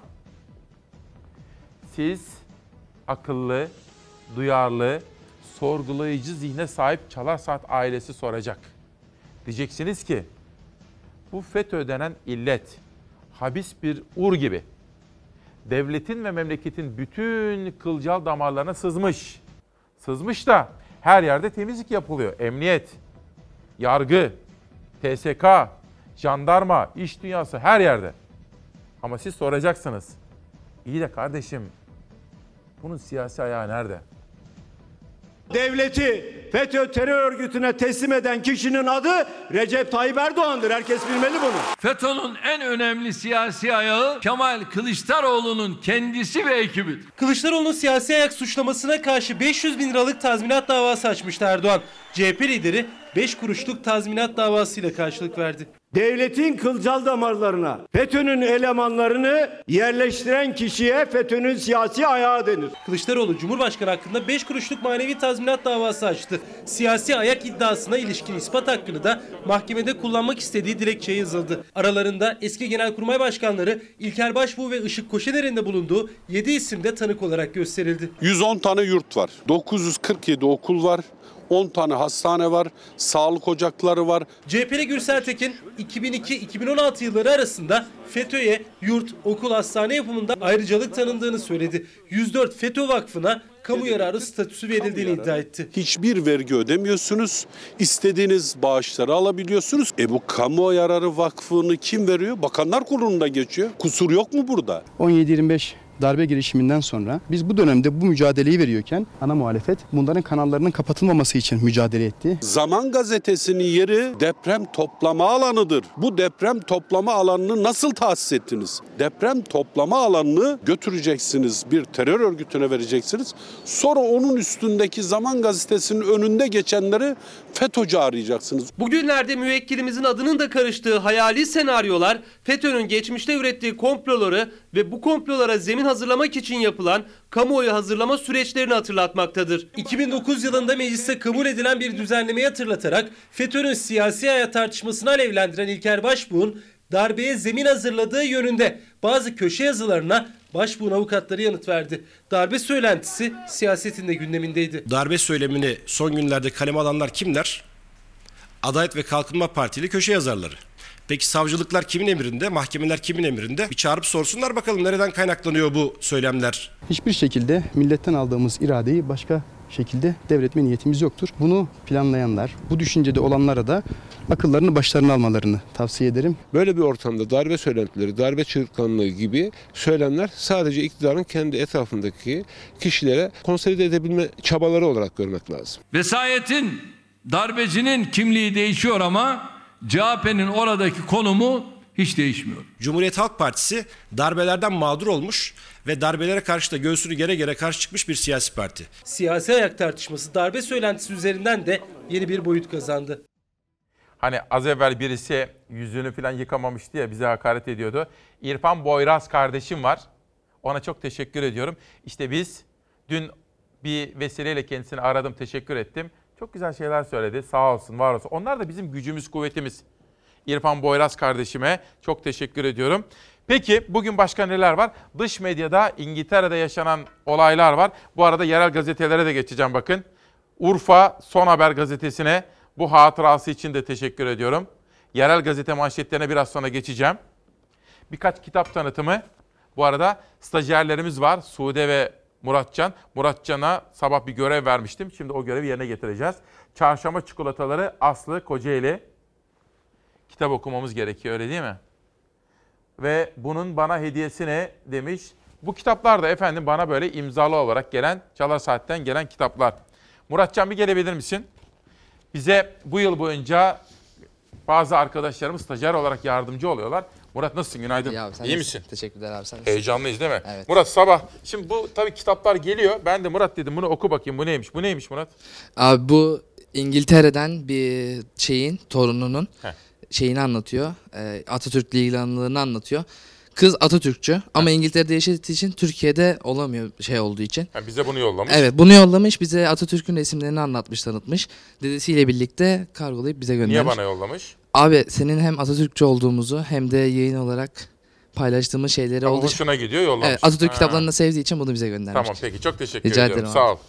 Şimdi sabah tabii bir açtık her gün böyle 30 tane kitap geliyor. Bazılarını seçmeye çalışıyorum ama bazılarını da okuyup hakim olmam gerekiyor. Fakat o heyecan içinde ben de Muratcan'a bazen Suudi'ye bu görevleri veriyorum. Muratcan da bize bunu özetledi. Ta İngiltere'den gelmiş. İngiltere demişken The Guardian gazetesinde dün olduğu gibi bugün de İngiltere'yi etkisi altına alan fırtınalar ve çok yoğun yağışlar ve İngilizlerin yaşadığı sıkıntılar var. Burada bakın ve oturanlar da uyarılarda bulunuyorlarmış.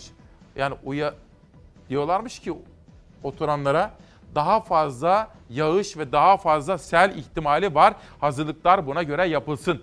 The Guardian gibi Independent gazetesi de bakın geçsin arkadaşlar. Heh. Independent gazetesi de daha fazla fırtınanın geleceğine dair haberleri ama bakın başbakanı da suçluyorlar. İyi de diyorlar. Meteoroloji uyarıyor. Daha fazla felaket geliyor yolda, afet geliyor, sel olacak. Ama hükümet burada ne yapıyor diyorlar efendim. İngilizler işte bunu konuşuyor.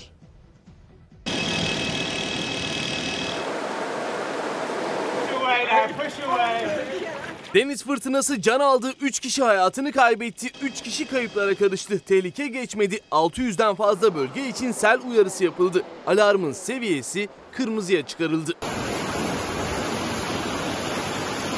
İngiltere'yi deniz fırtınası vurdu. Hafta sonu başlayan fırtına etkisini yeni haftada da sürdürdü. Fırtınanın hızı saatte 140 kilometreyi buldu. Fırtına ve beraberinde gelen şiddetli yağış dolayısıyla çok sayıda yerleşim yeri sular altında kaldı. Binden fazla ev selden etkilendi. Sel ve fırtına can dağıldı. En az 3 kişinin hayatını kaybettiği açıklandı. 3 kişiden de haber alınamadı. Fırtına sebebiyle pek çok demiryolu hattında seferler iptal edildi. Otoyollar trafiğe kapatıldı. Ona yakın havalimanında yapılacak yüzlerce uçuş ertelendi. Galler'de ise su seviyesi son 40 yılın en yüksek seviyesine çıktı. Evlerinde mahsur kalanlara arama kurtarma ekipleri ulaştı. Mahsur kalanlar botlarla kurtarıldı.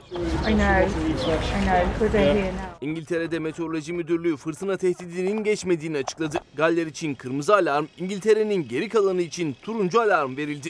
634 noktada sel uyarısı yapıldı. İngiliz hükümeti 7 bölge için acil durum bütçesi ayırdığını açıkladı. Evet dün sizlere bir geçmiş olsun ziyaretinde bulunacağımı söylemiştim. Bir anne, üç evlat yetiştirmiş Meryem Hanım'la, Meryem Er'le buluştuk efendim. Sizlere de bolca selamları var, söz vermiştim. Bugün de Latife anneyi ziyaret edeceğim. O da düşmüş, onu da bugün ziyaret edeceğim. Latife Öden annemizle sohbet edeceğiz. Ahmet Yavuz, o da bir Mustafa Kemal askeri, FETÖ kumpaslarının çok acısını çekmiş, bedel ödemiş birisidir. Ahmet Yavuz diyor ki, darbe ve yeniden askeri vesayet inşa edilmeye çalışıldığı iddialarına cevabım. Bu algıyı yürütenlerin çoğu 15 Temmuz gecesi acaba hangisi kazanacak modundayken ben ve birçok arkadaşım darbecilerin karşısına dikilmiştik. Yine dikiliriz. Mağdur oynamak artık kabak tadıdır. Şunu söyleyelim. O gece Mustafa Kemal askerleri yani gerçek askerler FETÖ'nün kalkışmasına karşı direnmişlerdi. Alican Uludağ Yeni darbe iddiaları iktidarın içte ve dışta yaşadığı sıkışmışlıktan kurtulmak için yazdığı bir senaryo. Evet, bu iktidar gidecek ama seçimle, demokratik yolla 31 Mart bunun ilk ayağıydı. İktidar da bunun farkında. Bunun için yeni bir mağduriyet edebiyatı yapacağı konu arıyor diyor Alican Uludağ. Melis Alpan bir çevre ve tarım haberi. Tarım zehirleri yüzünden toprağımız fakirleşiyor, suyumuz kirleniyor ve verimlilik düşüyor. Oysa toprağı besleyen organik tarım yöntemlerine başvuran çiftçinin tarım zehrine ihtiyacı kalmıyor. Tercihlerimizle sağlıklı gıda üreten çiftçiyi desteklemeliyiz diyor. Ülke son 3 yılda mutluluk kaybına uğramış. 17 yılında en düşüğü. Türkiye hızla orta mutluluk tuzağına kaymış diyor. Yaşam memnuniyeti araştırmasını yorumlayan Uğur Gürses. Bir soru soracağım. Siz iyi misiniz peki? Siz huzurlu musunuz mesela, mutlu musunuz? Bu konuları da kendi kendimize soralım ve zihnimizi çalıştıralım diyorum. FETÖ'nün yaptığı en büyük kötülük ne biliyor musunuz? Tamam 15 Temmuz kötülük de bence ondan bile daha büyük kötülük var.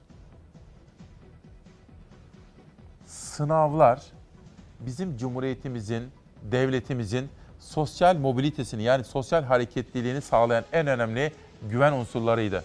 Şunu bilirdik. Bu ülkenin neresinde doğduk, neresinde yaşadık fark etmez. Ne kadar zengin fakir olduk fark etmez. Cumhuriyet bize o imkanları sunmuştu. Yeterince çalışır derslerimize okursak sınavlarda hak yenmez idi. Ve hak ettiğimiz yere ulaşır idik. FETÖ en büyük ihaneti hak yerek sınavlarda yaptı. Bir sınıf soru kitapçıkları görüntüde. Çünkü o sınava giren kişinin üzerinde radyo frekanslı kamera var ve dışarıdan yardım almak için de bir de kulaklık. Bu ilk görüntü, ilk delil. FETÖ'nün sınav yolsuzluğuna ilişkin bugüne kadarki ilk görüntü. Düzeneyi kuran FETÖ firarisi eski istihbaratçı Coşkun Çakar. Üstünde kamera taşıyan sınav salonundaki kişi ise eşi. FETÖ firarisi eski istihbaratçı Coşkun Çakar'ın evinde yapılan aramalarda ele geçirildi görüntü. Eski istihbarat daire başkan yardımcısının emniyet istihbarata ait cihazları hatta teknik takip aracını eşinin açıktan ortaokul bitirme sınavı için seferber ettiği ortaya çıktı. Coşkun Çakar eşinin üzerine radyo frekanslı kamera ve kulaklık taktı. Kendisi de sınavın yapıldığı okul yakınlarında istihbarata ait mobil izleme aracındaydı. Yanında soruları cevaplamasına yardım edecek bir kişiyle gizli kamera sayesinde kitapçıktaki soruları görüp çözüp cevapları kulaklıkla eşine iletti. Parası olmadığı halde evindeki ineğini satıp çocuğunu okutmak isteyenlerin hakları ve emekleri çalındı. Dönemin Başbakanı Recep Tayyip Erdoğan çıkıp şunu demişti. Asla böyle bir olay olmamıştı. Cumhurbaşkanı Erdoğan yüksek öğretime geçiş sınavlarında usulsüzlük yapıldığına ilişkin tartışmalar sırasında kurmuştu o cümleleri. FETÖ'nün soruları çaldığı iddiasına karşı dönemin ÖSYM başkanını savundu ama Ali Demir yıllar sonra FETÖ üyeliğinden yargılanıyor. Onun döneminde atanan isimlerin soruları, kitapçıkları ÖSYM dışına çıkardığı iddianamede yazıyor. O dönemde bunu FETÖ yapıyordu. Şimdi ya başka bir cemaat ya başka bir siyasi irade ne yazık ki birileri tarafından hala yapılmaya devam ediliyor. Bakın Latife Latife Hanım diyor ki kardeşim diyor işin kolayına kaçıyorsun. Tamam FETÖ yaptı da ona izin veren kimler diyor. Latife Hanım da haklı bir soru soruyor.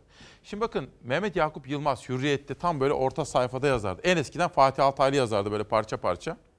Sonra Mehmet Yakup Yılmaz da böyle parça parça yazdı. Çok okunan bir köşeydi orada. Hiç unutmam aylarca yazdı. Böyle sınav skandalları, KPSS skandalı. Ama biz de o tarihlerde bunları yazarken iktidar ve başta Sayın Erdoğan olmak üzere yok canım de diyordu. Hile filan yok diyordu. Güveniyoruz diyorlardı. Sınavlarda yolsuzluk yapıldığını kabul etmiyorlardı efendim. O zamanlar. Yani FETÖ bunları yaptı da ama işte kim sordu? FETÖ bunları yaptı da bunun siyasi sorumluluğu olmasın mı efendim bakın. Latife Hanım sormuş bana. Haklı bir soru değil mi Allah aşkınıza? Gökhan Gülbar, o da bir yine Çalar Saat izleyeni takipçisi.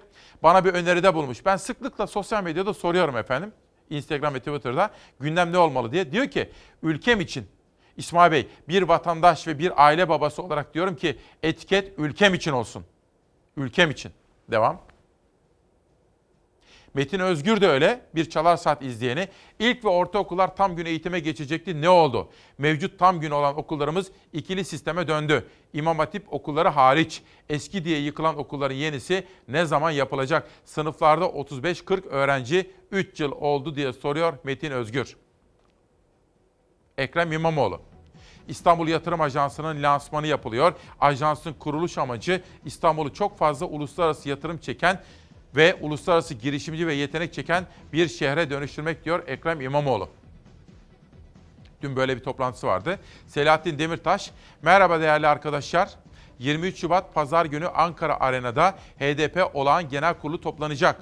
Merak etmeyin biz de orada olacağız. Sesimizle, ruhumuzla. İstiyorum ki siz de orada olun on binlerle. Zaten çok kişi gidecek. Ben olmasam da olur demeyin. Sensiz hiç olmaz. Lütfen programınızı ona göre yapın ve o gün kongrede buluşalım. Herkese selamlar. Selahattin Demirtaş Edirne Kapalı Cezaevinden avukatları aracılığıyla yazmış olduğu mesajda. Anadolu Ajansı'ndan bir haber. AK Parti Grup Başkan Vekili Muş, İş Bankası hisseleri konusunda gerekli değerlendirmeler yapılıyor dedi. Zaten biliyorsunuz Cumhurbaşkanı Erdoğan da dedi ki İş Bankası hisselerinin devri konusunda birkaç haftalık zamanımız var. Değerli arkadaşlar bu İş Bankası meselesiyle alakalı hukukçularımız gerekli değerlendirmeyi yapıyorlar. Ben sizlere değerlendirmelerini yetiştikçe bilgi vermeye çalışıyorum. Şu anda aynısını yapıyorum. Dolayısıyla netleştikçe, olgunlaştıkça sizlerle e, bu anlamda bilgi paylaşımında bulunacağız. Diğer meseleyle alakalı çeşitli tartışmalar var. FETÖ'nün siyasi ayağı vesaire meseleleriyle alakalı. Değerli arkadaşlar, e, biz AK Parti hükümetleri olarak şimdiye kadar FETÖ ile en çetin mücadeleyi veren bir iktidarız. 17-25 darbe girişiminden sonra e, çok ciddi şekilde bu yapıyla mücadele içerisine girilmiştir. Terör örgütü ilan edilmiştir. Devletin ilgili kurumları gereken adımları atmışlardır. Biz bu dönemde bu mücadeleyi veriyorken bu mücadeleyi veriyorken maalesef az önce söylediklerinizi dillendiren ana muhalefet bunların kanallarının kapatılmaması için mücadele etti. Buraya genel başkanlarının talimatıyla milletvekillerinin gönderildiğini, milletvekillerinin bizatihi kendileri ifade ettiler. Niçin gittiler bu kanallara? Kendilerini siper ettiler. Bankaların önünde kendilerini siper ettiler. Bu yapıya karşı yapılan müdahalelerde bunun engellenmesi için mücadele ettiler. Bakın 15 Temmuz darbesi yaşandı. Ben o gün parlamentodaydım. Cumhurbaşkanımız, o dönem Başbakanımız Binali Yıldırım bunun bastırılması için sabaha kadar mücadele ediyorken ana muhalefetin başkanı ayaklarında terlikler, sıcak koltuğunda insanların mücadelesini izledi. Şimdi bunu yapanlar kalkıp bu tip eleştiriler yapıyorlar. Önce bir aynaya bakmalarında fayda var. Bu ülkede FETÖ ile en çetin mücadeleyi ve devlet kurumlarından temizlenmesini sağlayan iktidar AK Parti iktidarıdır. Dolayısıyla bu anlamda bizim bu mücadelemizde destek veren milletimiz başta olmak üzere Milliyetçi Hareket Partisi ciddi bir destek veriyor. Diğer destek veren siyasi partiler olmak üzere Türkiye topyekun şekilde bunun üzerinden gelecektir. Öbür diğer taraftaki ifadeler bir darbe yapıldığı zaman darbe iktidara karşı yapılıyor. İktidardakini indirmek için yaparlar. Herhalde iktidardaki iktidarda olanı indirdikten sonra onu tekrar oraya getirmeyecekler. Siyasi ayak onun yerine getirilecek olanlardır. Yani Recep Tayyip Erdoğan'ı iktidardan ettikten sonra kim onun yerine gelecekse orada aranmalıdır siyasi ayak diyorum. Teşekkür ediyorum. Hayırlı günler diliyorum. haberlerimiz var. Kaz Dağları'ndaki gelişmeleri de dikkatle takip ediyoruz. Antalya'daki mermer ocakları da dahil Simav, Tavşanlı, Gediz, o yöredeki maden arama çalışmaları ve doğal hayata yönelik riskler bunları da takip ediyoruz. Önce Olay Gazetesi Şanlıurfa.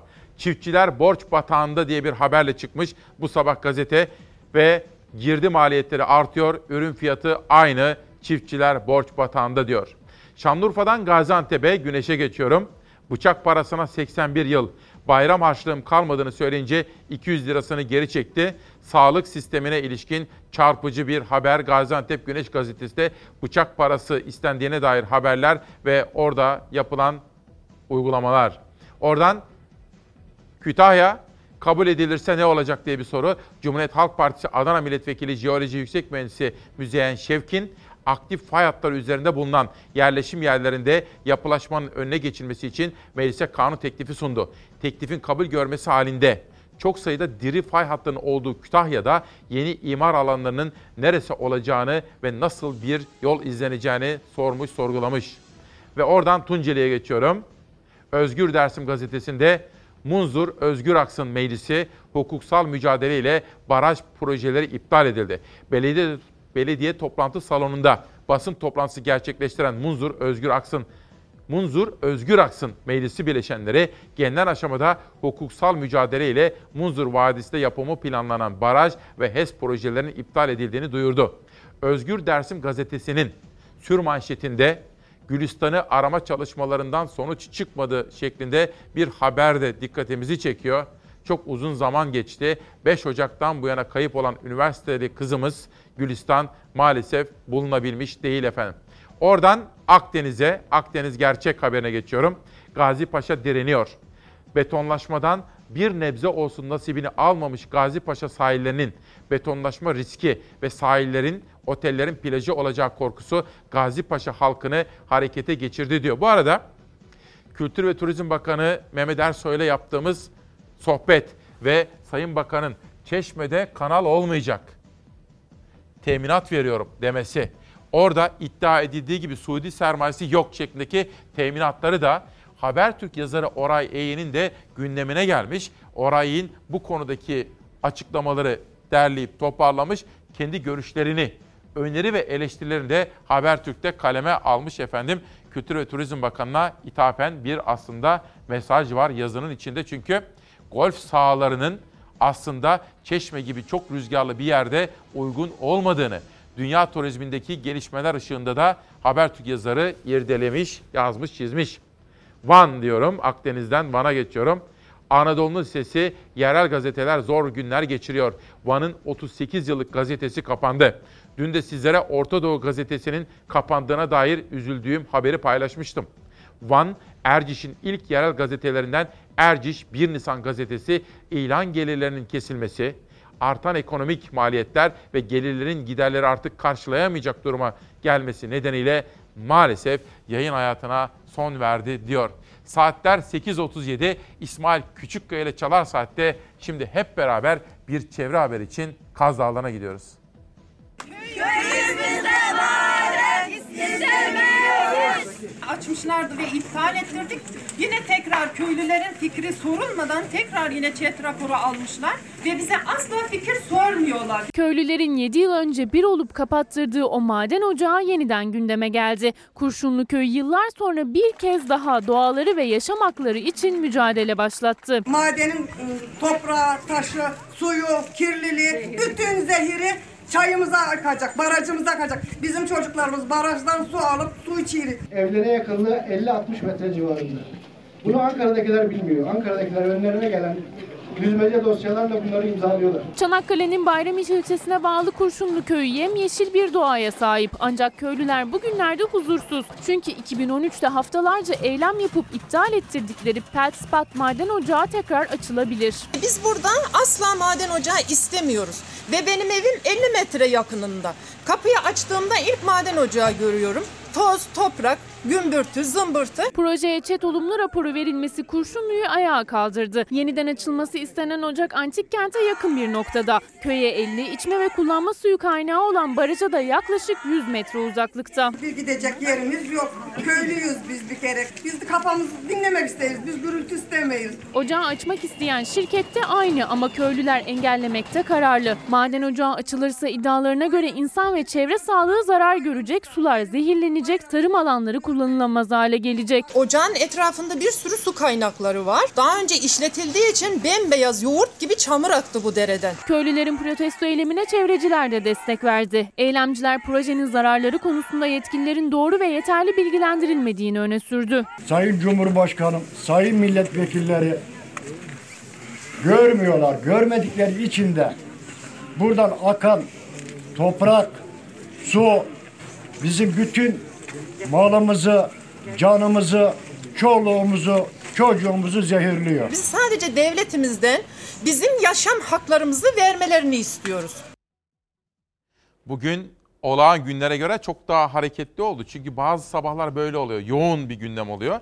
Tabii hızlı ama telaşlı olmadan, uyuşuk da olmadan, tempolu ama anlaşılabilir, sade bir dil kullanmaya gayret ediyoruz efendim. Bu arada ekonomi haberlerim var. Yolda beni çeviren hiçbir güzel şeyler yok İsmail abi diyen AK Partili bir kardeşimin videosu var. Bugün Gezi Parkı davası var. Onun haberini de hazırladık. Bugün Gezi davası Doğan Tılıç. İfade özgürlüğü, çevre konusundaki duyarlılık, hukukun üstünlüğü gibi kavramları irdelemiş Doğan Tılıç bugünkü yazısında. Biraz sonra Gezi Parkı davasına ilişkin haberler ve canlı bağlantılarım olacak. Benim yolumu çeviren o arkadaşım, AK Partili arkadaşımın sesini sizlere dinleteceğim. Çok konuşulacağını tahmin ediyorum ve başkaca ekonomi haberlerim var. Bunun dışında Karar Gazetesi'ne konuşan ve parlamenter sisteme dönmek şart diyen 11. Cumhurbaşkanı Abdullah Gül'ün sözlerini de çok detaylı olarak irdeleyeceğiz. Bugün uzun yıllar sonra ilk defa bu kadar açık konuşmuş Abdullah Gül'ün özellikle siyasetçiler, gazeteciler, yazarlar eğer haklarında bir suçlama, bir iddia varsa bile tutuksuz yargılanmalıdır. Bu evrensel hukuk kuralını hatırlatan Abdullah Gül'ün bu sözlerini de konuşacağım. Başkaca tanıtım yapacağım kitaplarım da var. Kamuran Esen, Mudurnulu Fatma Nine'nin günlüğü. Bu arada Mahmut abimiz diyor ki İsmail'im eskiden kahvaltı yapardın, çocuklara örnek olurdun, zeytin yerdin diyor. Gemlikten yazmış biraz önce Mahmut Solak Subaşı. Önümüzdeki günlerde yeniden kahvaltılığın önemini hatırlatalım Mahmut abiye de uyarısı için teşekkür ediyorum. Profesör Doktor Hamdi Temel, Naylon aşkı öldürür. Plastik yaşamdan kurtuluş kılavuzu. Ve Çağdaş Türk Edebiyatı İbrahim Erdem Burukçağ isimli kitabı. Benim okuduğum Nietzsche kitabı. Piyuh. Amma hareketli sabah değil mi? Ne dersiniz bir sade kahve hak ettim mi? Hak ettim. Ama önce en sevdiğim bölümlerden birisi. Kötü de olsa, kötü de olsa konuşalım. Konuşalım. Çünkü susmak çok daha kötüdür. Çünkü suskunlukla geçiştirilen her hakikat zehirlenir. Parçalanacak ne varsa hakikatlere çarpıp parçalansın. Daha inşa edilecek çok şey var. Susmaktansa konuşalım. Çok kıymetli Çalar Saat ailesini sevgi ve saygıyla selamlıyorum. Başta hastalarımız olmak üzere onlara geçmiş olsun dileklerinde bulunurken öğrenci kardeşlerimi zaten yolladık. Onlara da zihin açıklığı dileklerinde bulunduk. Ve hasretlik çekenlere kavuşmalarını diliyorum. Esnaf kardeşim de dükkanlarını açtı. Onlara da hayırlı işler diliyorum. 18 Şubat 2020 günlerden salı. Günün adını beraber koyuyoruz. İsmail Küçükkaya ile Demokrasi Meydanı'nda hayat pahalı diyoruz. Hayatın pahalı olduğuna dair haberler ve manşetler bugün bizlerle olacak. Ama günün adını koyarken 18 Şubat 2020. Hani Gezi Parkı davası vardı ya. Unutulacak gibi değildi. İşte bugün Gezi Parkı davasının görüleceği gün ve karara bağlanacağı gün. Bugün Bir Gün Gazetesi şöyle çıkmış. Hepimiz oradaydık diyor. Bir Gün Gazetesi'nin 18 Şubat 2020 tarihli birinci sayfasında Dilan Esen imzalı bir manşet görüyorum. İktidarın korkulu rüyası olan Gezi Parkı direnişi yargılanıyor. biri tutuklu, 9 sanıkla devam eden yargılamaya Türkiye'nin her köşesinde Haziran isyanına katılan milyonlar el koydu. Gezi biziz diyorlar. Yönetmen koltuğunda bir değiş tokuş yapıldı. Savaş Yıldız kardeşim geldi ve Zafer Söken kardeşimin hazırladığı Gezi Parkı dosya haberiyle haber yolculuğumuza başlıyoruz.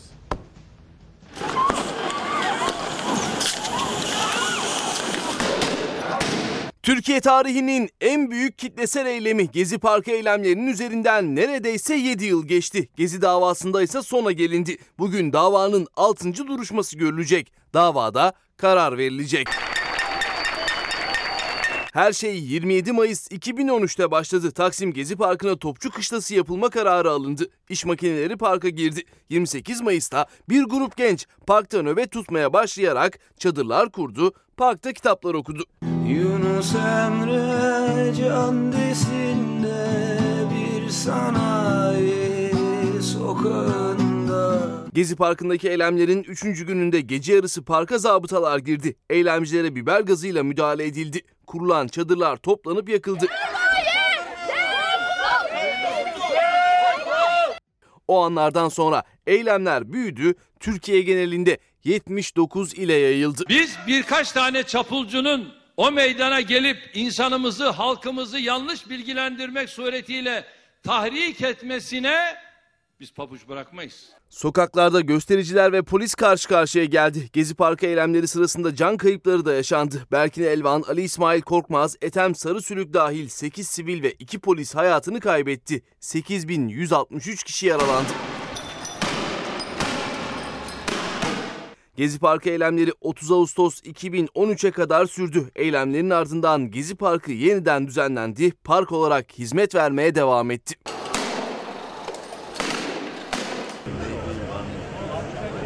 Gezi Parkı eylemleri sonrasında Türkiye Cumhuriyeti hükümetini ortadan kaldırmaya teşebbüs suçlamasıyla Gezi davası açıldı. 16 kişinin yargılandığı davanın bugün 6. duruşması görülecek. Davanın tek tutuklu ismi Osman Kavala'yla Yiğit Aksakoğlu ve yeniden yargılanan Mücella Yapıcı'nın eylemleri finanse edip hükümeti şiddet yoluyla devirmeye çalıştıkları suçlamasıyla ağırlaştırılmış müebbet hapsi isteniyor. İddia makamı diğer sanıklarında bu suça yardım iddiasıyla 15 yıl ile 20 yıl arasında hapis cezası almasını istiyor. Savunma ise davanın düşmesini Gezi Parkı davasında bugün karar verilecek.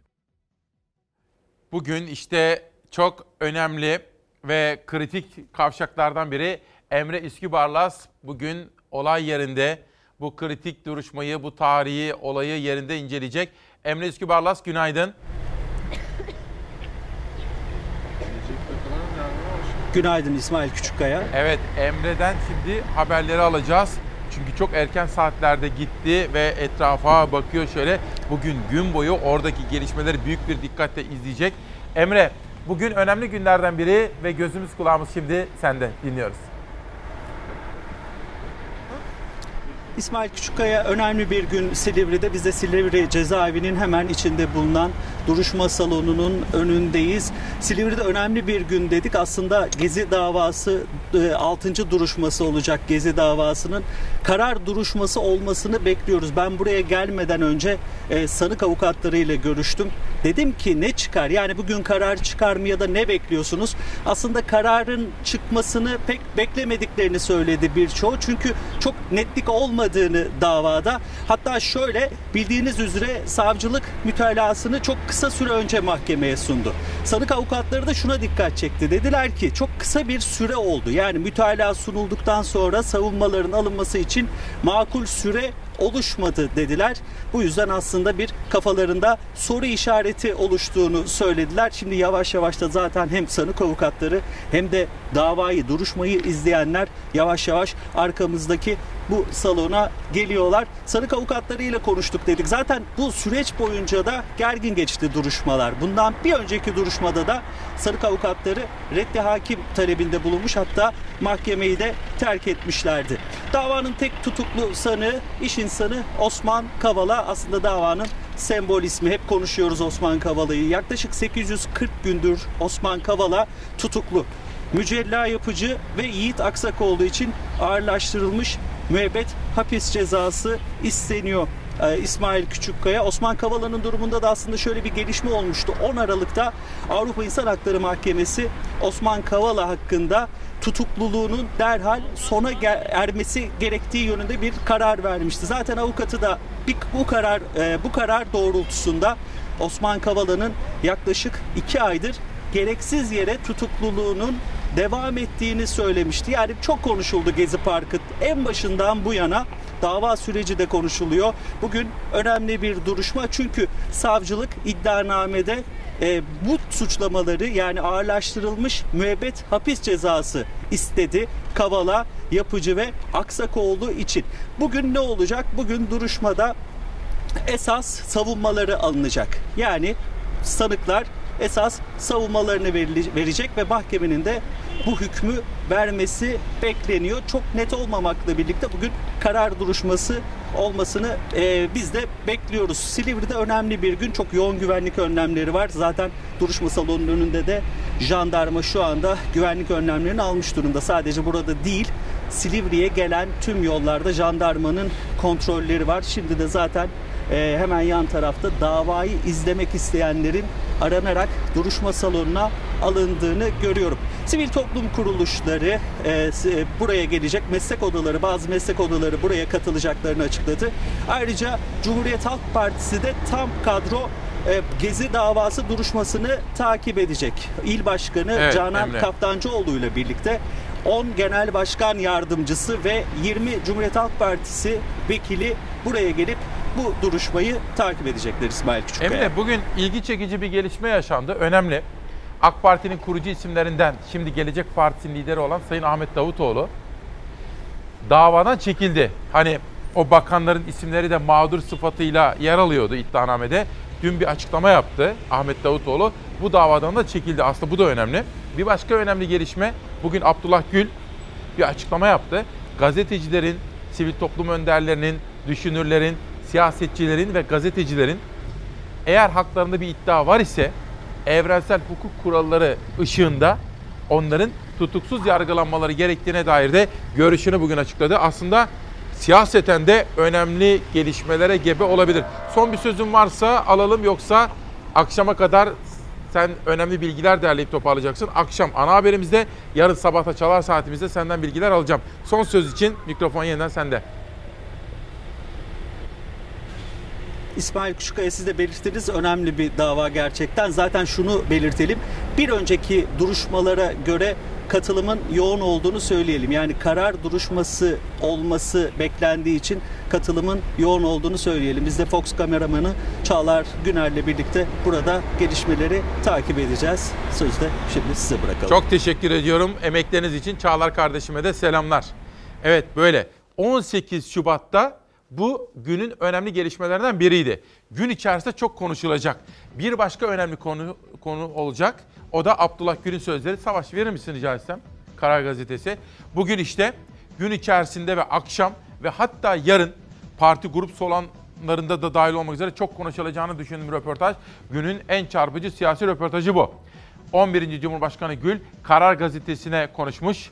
Elif Çakır'ın, Ahmet Taşgetiren'in ve Yıldıray Oğur'un sorularını yanıtlamış ve Türkiye'nin parlamenter sisteme dönmesi gerektiğini söylüyor Gül. Çünkü şu andaki mevcut yönetim sisteminin Türk tipi başkanlık sistemi olduğunu, başta ekonomi olmak üzere Türkiye'ye sıkıntılar getirdiğini söylüyor. Türkiye'nin dönmesi gerektiğini söylüyor parlamenter sisteme. Çok konuşulacağını düşündüğüm bir başka açıklaması daha. Rusya ile ilişkileri önemsiyor ama Rusya'ya aşırı bağımlı hale geldiğimizi düşünüyor Gül ve S-400'leri Ruslardan almamızın hatalı bir karar ve uygulama olduğunun altını çiziyor. Ayrıca az evvel Gezi Parkı davası bağlantısında da söylediğim gibi bir önceki Cumhurbaşkanı Gül siyasilerin, gazeteci ve yazarların tutuksuz yargılanması gerektiğine dair evrensel hukuk kurallarında hatırlatıyor bizlere efendim. Peki bugün ayrıca çevre haberleri, Kaz Dağları'ndan başlamıştık. Bir de merak ediyoruz. Barajlarımızın durumu ne? Sabah Ezgi Gözeger bunun haberini hazırlarken abi dedi doğuda güneydoğuda bol yağış var. Barajlar doldu doldu taştı. Ama dedi batıya geldikçe kuraklık var. Yurdun doğusunda yağışlar barajları doldurmaya yetiyor. Fırat Nehri üzerindeki 3 barajın elektrik üretiminin yaklaşık %100 arttığı belirlendi. Batıdaysa durum tam tersi barajlar alarm veriyor. Yağmurlar az olmasından dolayı, karın yağmamasından dolayı maalesef gördüğümüz gibi bulunması olması gereken yerden çok çok daha seviyeye inmiştir. Manisa Demirköprü Barajı'ndaki su seviyesi düştü. Toplam 1 milyar 22 milyon metreküp su kapasitesi olan barajda neredeyse dörtte bir oranında su kaldı. Su büyük ölçüde tarım yapılan bölgede çoğunlukla tarımsal sulama için kullanılıyor. Salihli Ziraat Odası Başkanı Cem Yalvaç mevcut durumun devam etmesi halinde sulamada sorun yaşanabileceğine dikkat çekti. Bu yazın kurak giderse eğer bu şekilde giderse barajımız seviyesi maalesef sulamada sorun yaşayacağımız belli, aşikardır. En önemli konu vahşi sulamanın, doğal sulamanın bir an önce azaltılması, damlama sistem sulamaya gidilmesi. Bölgede vahşi sulamanın hemen terk edilmesi, kapalı sistem sulamaya ve damlama sulama sistemine geçilmesi şart. Doğudaki barajlardansa elektrik üretiminde artış haberleri geliyor. Fırat Nehri üzerinde kurulu Atatürk, Karakaya ve Keban hidroelektrik santrallerinde 2019 yılında üretilen enerji miktarı 22 milyar 790 milyon kilowatt saate ulaştı. Bir önceki yıla oranla %106 artış oldu. Türkiye'nin en büyük 3 barajı olan Keban, Karakaya ve Atatürk hidroelektrik santralleri geçen yıl bol yağış sayesinde enerji üretiminde altın yılını yaşadı. Fırat Havzası'na düşen bol yağmur ve kara bağlı olarak baraj göllerinin su seviyeleri yükselirken barajlardaki elektrik üretimi tavan yaptı. İstanbul barajlarındaki durumsa düşündürücü. Geçen yıl bu zamanlar %91 oranında su bulunduran İstanbul'u besleyen barajlarda bugün %61 oranında su var. Yani sadece geçen yıldan bu yıla %30'luk bir oransal düşüş var. İstanbul'u besleyen barajların toplamında geçtiğimiz Aralık ayında su oranı %36 idi. Ocak ayında bu oran %56'nın üzerine çıktı. Bugünse %61 seviyesinde. Şimdi tabii tabii iyi dilekleriniz, mesajlarınız var ama onları okuyarak da ben okuyorum mesaj tabii bana moral veriyor ama onları okuyarak sizin zamanınızı çalmak istemiyorum ama eleştiriler var. Eleştiri değil bakın Hasimet Toprak o kadar afet oluyor siz Gezi Parkı davasını canlı veriyorsunuz diyor. Hainsiniz diyor. Ben ülkemi çok seviyorum Hasimet Toprak. Biz depremleri de haber nerede yaşanıyorsa orayı da Gezi Parkı'nı da haber değeri taşıdığı için aktarmaya çalışıyoruz. Ama insanları eleştirirken onlara kolay yoldan etiket, yafta yapmayın. Benim ülke sevgimi siz sınayamazsınız. Hasimet Toprak. Şunun tipine bir bakayım Allah aşkınıza. Ben, tabii Savaş bravo. Haftalardır ilk haberim benim deprem haberi. İlk haber. Bakın bu kişi. Bana hain diyen bu kişi. Yani ne diyeceğimi biliyorum da şu anda televizyon ekranlarında bunu ifade etmemeyi tercih ediyorum efendim. Bakın tekrar ediyorum. Eleştiriye kapalı değilim. Eleştiriye açığım. Eleştiri acımasız da eli. Ama hain falan ne demek ya? Benim ülke sevgimi kim sorgulayabilir? Kimin böyle bir hakkı ve cüreti olabilir? Cumhuriyet'ten bir haber daha gelsin. Bu arada şimdi Abdullah Gül bugün konuşmuş. Önemli. Çok konuşulacak. Bakın altını çizmek istediğim bir önemli husus daha var. Gül diyor ki siyasal İslam projesi çöktü. Tabii manşet. Bütün dünyada siyasal İslam projesi çöktü diyor. Kurtuluş gerçek ve tam demokraside, çoğulculukta ve Kılıçdaroğlu'nun başörtüsü düzenlemesinde sergilemiş olduğu tutumu, tutumu alkışlıyorum diyor. Türkiye'nin normalleşmeye ihtiyacı var. Kılıçdaroğlu Türkiye'nin normalleşmesine katkıda bulundu diyor. Çok önemli açıklamalar var. Tam sayfa röportaj. Yeri ve zamanı geldikçe sizlere anlatıyorum. Ama bu olay da önemli. Alican Uludağ im- imzalı bir manşet. AKP'li Ünal'ın evinde yaşamını yitiren Kadirova için adli tıp intihar dedi. Dosya kapatılıyor. İstanbul Adli Tıp Kurumu, AKP İstanbul Milletvekili Şirin Ünal'ın evinde şüpheli şekilde yaşamını yitiren Özbekistan Cumhuriyeti vatandaşı Nadire Kadirova'nın ölümüne ilişkin raporu tamamladı ve savcılığa gönderdi. Bu raporda Kadirova'nın bitişik atış yapmak suretiyle göğüs bölgesinin 5-6 santimetre üzerine isabet eden mermi neticesi öldüğü, dolayısıyla olayın intihar olduğunun değerlendirildiği bilgisi de yer aldı denilmekte efendim. Bir önemli gelişme daha var. Bugün nasıl bir gündem görüyorsunuz değil mi? Ekonomide içinde bulunduğumuz durum. Hassas ve duyarlı olmayı gerektiriyor. Güven yaratmamız gerekiyor. Yabancı yatırımcı Türkiye'ye gelip yatırım yapsın diye. Yerli yatırımcı ayağını frenden çekip gaza bassın, yatırım yapsın diye. Çünkü yatırım yapmadan istihdam olmuyor. İş olanakları sağlanamıyor. Vergi üretilemiyor, üretim olmuyor. Ama yatırım yapmak için de içerideki iklimi düzeltmemiz gerekiyor. İklimi. Peki ben size sorayım. Böylesine hassas ve kırılgan dönemde devletin devlet demeyeyim, AKP iktidarının İş Bankası'nın elindeki hisseleri alma konusundaki çalışmaları, açıklama ve çabaları ve girişimleri sizce piyasalara ve devlete ve ekonomiye güveni artırır mı, azaltır mı? Onların direnmesi netice vermez. Olayın parlamento boyutu var, bizde parlamento dışı boyut var. Ülkenin kurucusu Mustafa Kemal Atatürk'ün vasiyetinin takipçisi olacağız. Hukukçularımız gerekli değerlendirmeyi yapıyorlar. Onlar da bu süreci görünen o ki germeye devam edecekler. AK Parti raftan indirdi İş Bankası tartışmasını. Bankanın Atatürk'ün vasiyeti üzerine CHP'de olan hisselerinin hazineye devri için hukuki altyapıyı hazırlıyor iktidar. Değerlendirmelerini yetiştikçe, olgunlaştıkça sizlerle bilgi paylaşımında bulunacağız. Cumhuriyet Halk Partisi'nin İş Bankası hisselerinden dolayı elde etmiş olduğu bir kuruşluk bir gelir yok. Yönetim kurulu üyeleri Atatürk'ün vasiyetini temsil etmek için bulunuyorlar. İki yıldır belirli aralıklarla gündeme geliyor CHP'nin İş Bankası hisseleri. Atatürk'ün vasiyetinden kaynaklı %28'lik hissenin hazineye devrolmasının formülünü arıyor iktidar. CHP ise miras hukuku hatırlatması yapıyor. CHP'nin İş Bankası hisseleri nedeniyle para almadığını. İş Bankası'na yönelik yapılan bu saldırılar İş Bankası'nı Türkiye'nin en büyük bankaları sırasında gerilere doğru çekiyor. Dünyanın en büyük bankaları sıralamasında gerilere doğru çekiyor. Meclise bu konuyu getiriyoruz. MHP'de destekleyeceğini açıkladı. Her mücadeleyi yapacağız hukuk zemininde. Her mücadeleyi yapacağız. Vız gelir, tırıs gider. Yeni günde AK Parti cephesinden hukuki çalışma sürüyor. Olgunlaştıkça kamuoyuyla paylaşacağız açıklaması geldi. Ana muhalefet ise iktidarın İş Bankası hamlesinin ekonomik tabloyu daha da kötüleştireceğine vurgu yapıyor. Türkiye'de bir buhran var. Sırf siyasette yeni bir kutuplaşma yaratmak için Türkiye'nin ekonomisini daha derin bir krize sokacak çabanın içine girmiş oluyor iktidar. Bence bu tartışmalar boş. Bence bu tartışmalar ekonomiye güven yaratmaz. Tam tersine. Hiç gerek yok. Ya ekonomi yönetiminin elinde zaten kaç tane banka var? Kamu bankaları başta olmak üzere. Ellerindeki BDDK gibi, SPK gibi kurumlar üzerinden zaten ekonomi yönetimi her türlü imkanı kullanıyor. Niye İş Bankası'ndaki hisseleri mesele yapıyorlar?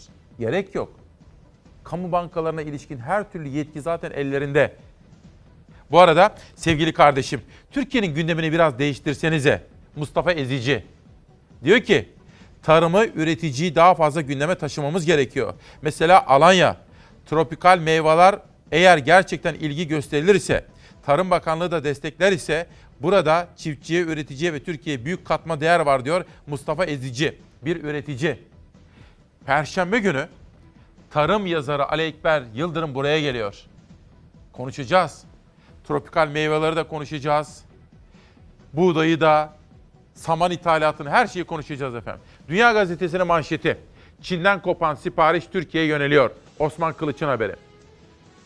Salgın nedeniyle Çin'in üretim ve satış süreçlerinde yaşanan sıkıntılar alternatif tedarikçilerden biri haline gelen Türkiye'de ek üretim ve ihracat kapasitesi yarattı diyor. Ve Çin'de özellikle koronavirüs meselesi nedeniyle uçuşlar da aksadı. İş dünyasında sıkıntı ve kaygılar var. Dolayısıyla Çin'de üretim yaptıramayanlar şimdi rotayı Türkiye'ye çevirdiler ve başta tekstil olmak üzere çok sayıda sektörde büyük ve güzel bir gelişme, bir hareketlenme başlamış efendim. Onun da altını çizmiş olalım. Bir de bugünkü etiketimizi nereden aldık? Dedik ki hepimiz çarşıya çıkıyoruz değil mi? Pazara gidiyoruz. Alışveriş yapıyoruz. Enflasyonun nereden nereye kadar geldiğini görüyoruz. Nereden biliyoruz? Kendimiz yaşıyoruz. Sabah çalışmalarımızı yaptık. Bir gazete yaptık. Hayat pahalı etiketi koyduk. Bakın. Türkiye'nin içinde bulunduğu durumda bir kere emekliyseniz ne olacak? Emekliler geçinebiliyorlar mı? Bugünlerde promosyon beklentileri var. Bankaların promosyonları ile ilgili emeklilerimiz haklı bazı beklenti içinde. Hemen yanında gıda fiyatlarındaki enflasyon. Hemen onun altında Fatma Önerge, Türkiye Emekliler Derneği Üsküdar Şube Başkanı'nın konuşması. Ve bütün bu tablodan sonra Türkiye'deki mutluluk, mutsuzluk oranları. En önemli gerçek nedir biliyor musunuz? Gıdada, temel gıda ürünlerindeki fiyat artışları. Ne gizlenebilir ne de saklanabilir. Son 5 yıla bakıldığında gıda enflasyonu yaklaşık %100'e yakın bir oranda, %85 ile 90 arasında e, ya da %100'e yakın bir oranda artmış. TÜİK'e göre %85 arttı. Uzmanlara göre ise bu resmi rakam ve aslında gıdada enflasyon %100'ünde üzerinde. Ancak %85 bile olsa yine de çalışanlar ve emeklilerin maaşına gelen zamdan fazla arttı gıda fiyatları. Memur ve memur emeklisinin maaşı %55 arttı 5 senede. Ortanca memur maaşı. Ortalama hesapladığımızda 2014'ten 2020'ye kadar yaklaşık %55-56 civarında artmış. Alım gücü memurun 26 yüzde puan olarak düşmüş. Emeklinin maaşı da inanın memur maaşından farklı artmadı. Dünya Gazetesi TÜİK verilerinden yola çıkarak son 5 yıla ilişkin detaylı enflasyonu hesapladı. Ortaya çıkan sonuca göre maaşlar özellikle dar gelirlinin harcama yaptığı gıda kalemine yenilmiş. Ama uzmanlara göre gerçek rakamlar çok daha yüksek. Bunun en önemli sebebi TÜİK'in hesaplama metodu. Düşünsenize 2018 ile 2019'da enflasyonun yıl içindeki oranlarına inanılmaz rakamlara erişti. Kışa girerken ve kıştan çıkarken oynaklıkları da elde ettiğimizde gıda enflasyonunun %100'lerin üzerinde olduğunu herkes biliyor. Dar gelirlilerin maaşının büyük bölümü gıda ve kiraya gidiyor. Yıllar içinde alım güçlerinin ne kadar düştüğünü de işte bu tablo çok net anlatıyor. Ama zaten dar gelirli için grafiğe de gerek yok. Onların yüzüne yansıyor tablo. Temel gıda maddelerinden oluşan bir alışveriş sepetine 5 yılda gelen zam %85 oldu. Maaşlara gelen zamsa %55 yani gelen gidene yetmedi. Bu da TÜİK'in bir başka araştırmasına, memnuniyet araştırmasına da yansıdı. Maalesef mutsuzum. Parasız insan bence gereksiz insan. Dengesiz. Dengesiz bir orantı yani. İşte gidişatın hiçbir yönünden memnun değiliz. Ev kiralarından da memnun değiliz. Alışverişten de memnun değiliz. TÜİK 2019 yaşam memnuniyeti araştırmasına göre mutlu olduğunu söyleyenlerin oranı bir yılda %53,4'ten %52,4'e düştü. Yani Türkiye'nin neredeyse yarıya yakını. Mutlu değilim. Bayağı uzun bir süredir mutlu değilim üstelik. Bunun en önemli sebebi nedir Ekonomik. İnsanların cebinde para olduğu sürece mutludurlar. Yani nasıl bu şekilde mutlu olabiliriz ki daha fazla? Mutlu olmak için bahaneler ve sebepler arıyorum kendimce. Hani siz mutlu musunuz ya da huzurlu musunuz diye bir soruyu da soralım. Biz biz hep beraber Çalarsat ailesiyiz ya. Benim de çok yakından tanıyıp sevdiğim Ceren, Ceren Kemaloğlu. Bugün o da doğum günü kutlamakta efendim. Antalya'nın bir kızıdır. Kendisi anne babası Antalya'da ama o bizim kızımız oldu. Mehmet Kemaloğlu ile evlendi. Ceren Kemaloğlu da bugün doğum günü Çalarsat ailesi adına kendisini içtenlikle ve sevgiyle selamlıyorum. Güzel günler görsünler diyorum efendim. Heh. Pazar günü biz ayda bir İlber Ortaylı hocam, Hilmi Yavuz hocam buluşuruz. Kahvaltı yaparız, sohbet ederiz. O gün saat 4 gibi kalktık. Hoca da bir cenazeye de gidecekti, bir taziye. Ben de Adana'dan misafirlerim vardı. Gidiyordum buluşmaya. Yolda 3 4 genç, 2 erkek, 2 kız. Soner, adı Soner. Şimdi tanıyacaksınız. Abi dedi, ben AK Partiliyim. Amenna dedim. Partiler önemli değil, hepsi bizim. Seni seviyoruz, sana güveniyoruz. Ama dedi abi sana bir soru soracağım. Her sabah seni izliyoruz hanımla birlikte. Evet. Ya hiç mi iyi şeyler yok? Var dedim. Ama dedim ben sana sorayım. Senin halin nicedir? Anlatmaya başladı. Peki benden ne bekliyordu? Sordum. Ben iki gündür bunu düşünüyorum. Dün Savaş'a da dinlettim. Bütün ekip arkadaşlarıma da dinlettim. Danışmanıma da yolladım. Nihal Kemaloğlu'na o da dinledi. Hep beraber konuştuk. Biz susacağız. AK Parti'ye oy ve gönül veren bir kardeşimiz. Adı Soner. Yanında da eşi var. Bence Bu bir buçuk iki dakikalık video çok şeyi konuşturacak, tartıştıracak. Biz susuyoruz, Soner'i dinliyoruz ve sizin yorumunuzu merak ediyoruz. Soner önce seni tanıyalım. Ben Soner Gödek, maske, bone, galoş kolluk üretimi yapıyorum. Esnafım. Bana dedin ki yolda çevirdin. Sizi de seviyorum. Partiler önemli değil dedin. Ee, ne dedin bana? İlk önce devlet dedim. Ben Sayın Recep Tayyip Erdoğan'a aşığım dedim. Evet. Bu aşık olmam demek onun hatalarını ya da yanlışlarını söylememek değildir. Bir insana yanlışlarını söylediğimiz zaman zaten gerçeği bulabiliriz. Ne derler? Dost acı söyler. Ben sadece size şunu söyledim. Bu Sayın Recep Tayyip Erdoğan bugüne kadar hiç mi doğru bir şey yapmadı? Niye bunları söylemiyorsunuz dedim. Yanlışları söylemek doğrudur. Ben de size ne dedim? Bu 10 sene boyunca yaptıkları her şey doğruydu. her şey değil. Pardon, çok 10 şeyler sene- yaptı dediniz. Çok 10 iyi şeyler sene yaptı. Hizmetleri de Evet, oldu. çok özür dilerim. Ama son dediniz. 8 yılda dedim. 8 yıl dediniz. Yanındaki adamlardan da olsun. Ondan buna tek adam kaldığı için dediniz. Biraz da fazla e, yanındaki insanlardan dolayı kibir olduğu için. Yani şey- ona yanlış- aslında artık hata yaptığını söyleyecek kimse kalmadı. yanında Benim evet, görüşüm bu. Dost kalmadı ya da anlamında. Hani yanlış söyleyecek. Danışman yani ona artık efendim yanlış yapıyorsun diyecek kimse kalmadı. Ha, Benim kimse- görüşüm bu. Ha, sizin görüşünüz o. Ben de size dedim ki yani hani biraz da hepimiz devlet için sonuçta. Şu anda işler iyi mi? Kendi açımdan sorarsanız çok iyi. İyi mi? Kendi açımdan sorarsanız. Başkası şimdi nasıl? Piyasaya baktığınız zaman Ya bu hani kendi piyasam olduğu için ben hayır hayır genel piyasaya mesela ekonomide esnafın baktığım durumu, zaman Şimdi benim vatandaşın. eşimin cebinde 12 bin liralık telefon var. Neyine gerek derler ya bazen. Çok hani tüketici bir toplum olduğumuz için ben şunu görüyorum. Herkeste araba. Herkeste telefon. Fazla tüketmeye başladık. Fazla Biraz da tüketiyor, evet. eskisi gibi değiliz artık. Ayakkabılarımız 500-600 bin TL'ye çıktı. Hanımın diyor elinde diyor 12 bin liralık telefon var diyor. Ben de böyle çekmişim. Hanım da el sallıyor böyle. Burası demokrasi meydanı. Herkesin görüşü var. Ona şunu söyledim. Dedim ki Sayın Erdoğan da geçmişteki pek çok lider gibi memlekete hizmetlerde bulundu. Hataları da var. Ama hatalarını söylememiz gerekiyor. Şu andaki sistem dedim. Ben Abdullah Gül, gibi düşünüyorum. Şu andaki sistem yapıyor pek çok sorunu. Neden? Ben Sayın Erdoğan'a eskiden olduğu gibi hataları söyleyebilen insan olduğunu düşünmüyorum. Yok. Eskiden Arınç vardı, Gül vardı, Abdülhatif Şener vardı, o vardı, bu vardı. Medyada vardı, medyada güven duydukları. iş dünyasında vardı, sıklıkla yemekler yerdi. Artık Erdoğan'a ne danışmanlar hiç kimse bence efendim siz yanlış yapıyorsunuz diyemiyor. Medyada da kimse bunu söylemediği için bence Erdoğan iyi danışmanlık hizmeti almadığı için bütün bunları yaşıyoruz. Benim görüşüm bu. Ve Farah Hanım, Farah Diba Hanım da bizimle birlikte. Ona da günaydın diyorum. Teşekkür ediyorum. Ve emekliler diyeceğiz şimdi. Hayalini kurduğumuz Türkiye tablosunda hani bir gün ulaşmayı murad ettiğimiz Türkiye'de emeklinin hali.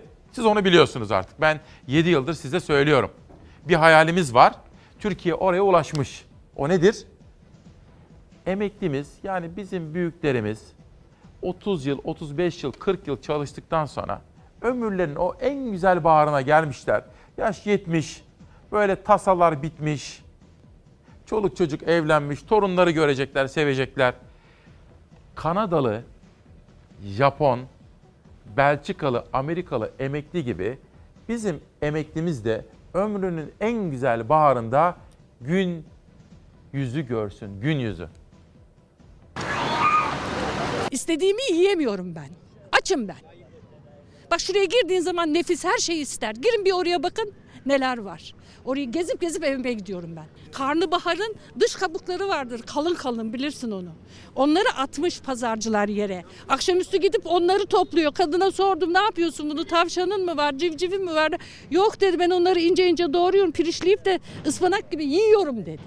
Bu insanlara yazık değil mi?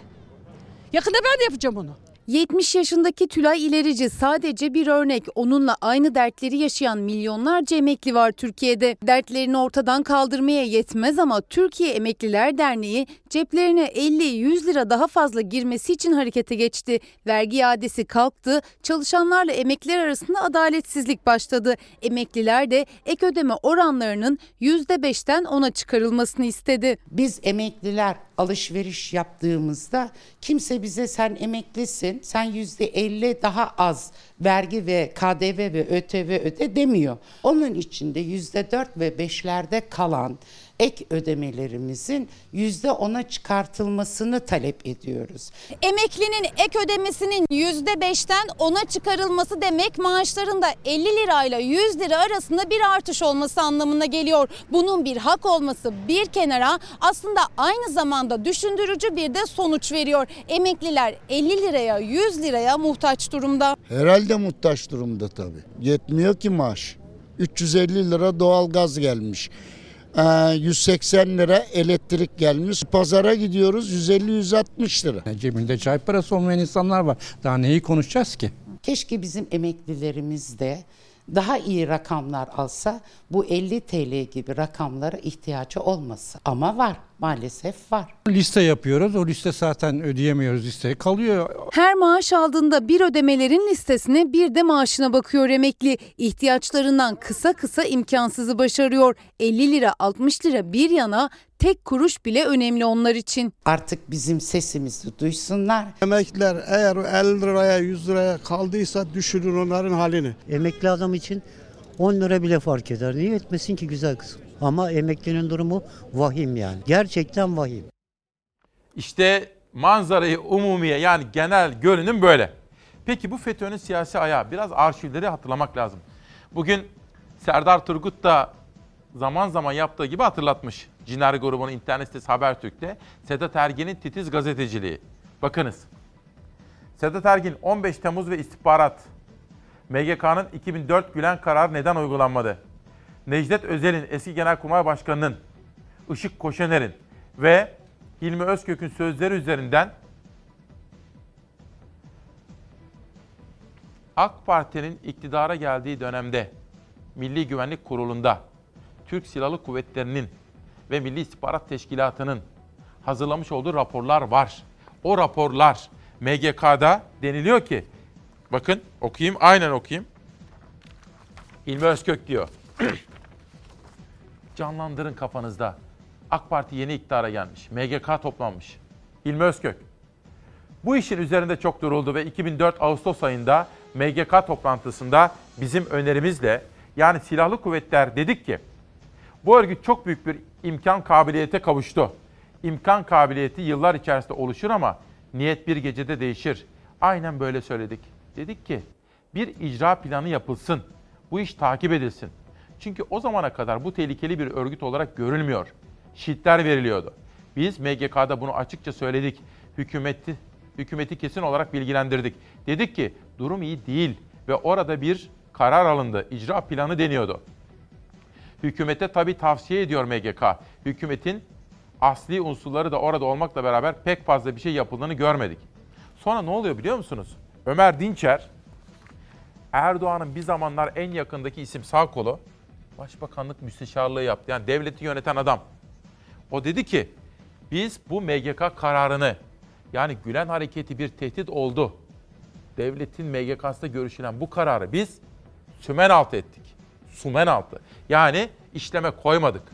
Bu işleme koymamanın sorumluluğu hem benimdir, başbakanlık müsteşarıyım, hem de siyasi sorumluluğu bizzat Sayın Erdoğan'ın, Sayın Başbakanımızın üzerindedir diyor Ömer Dinçer, Sedat Ergen'in yazısında efendim. İşte bakın bunlar.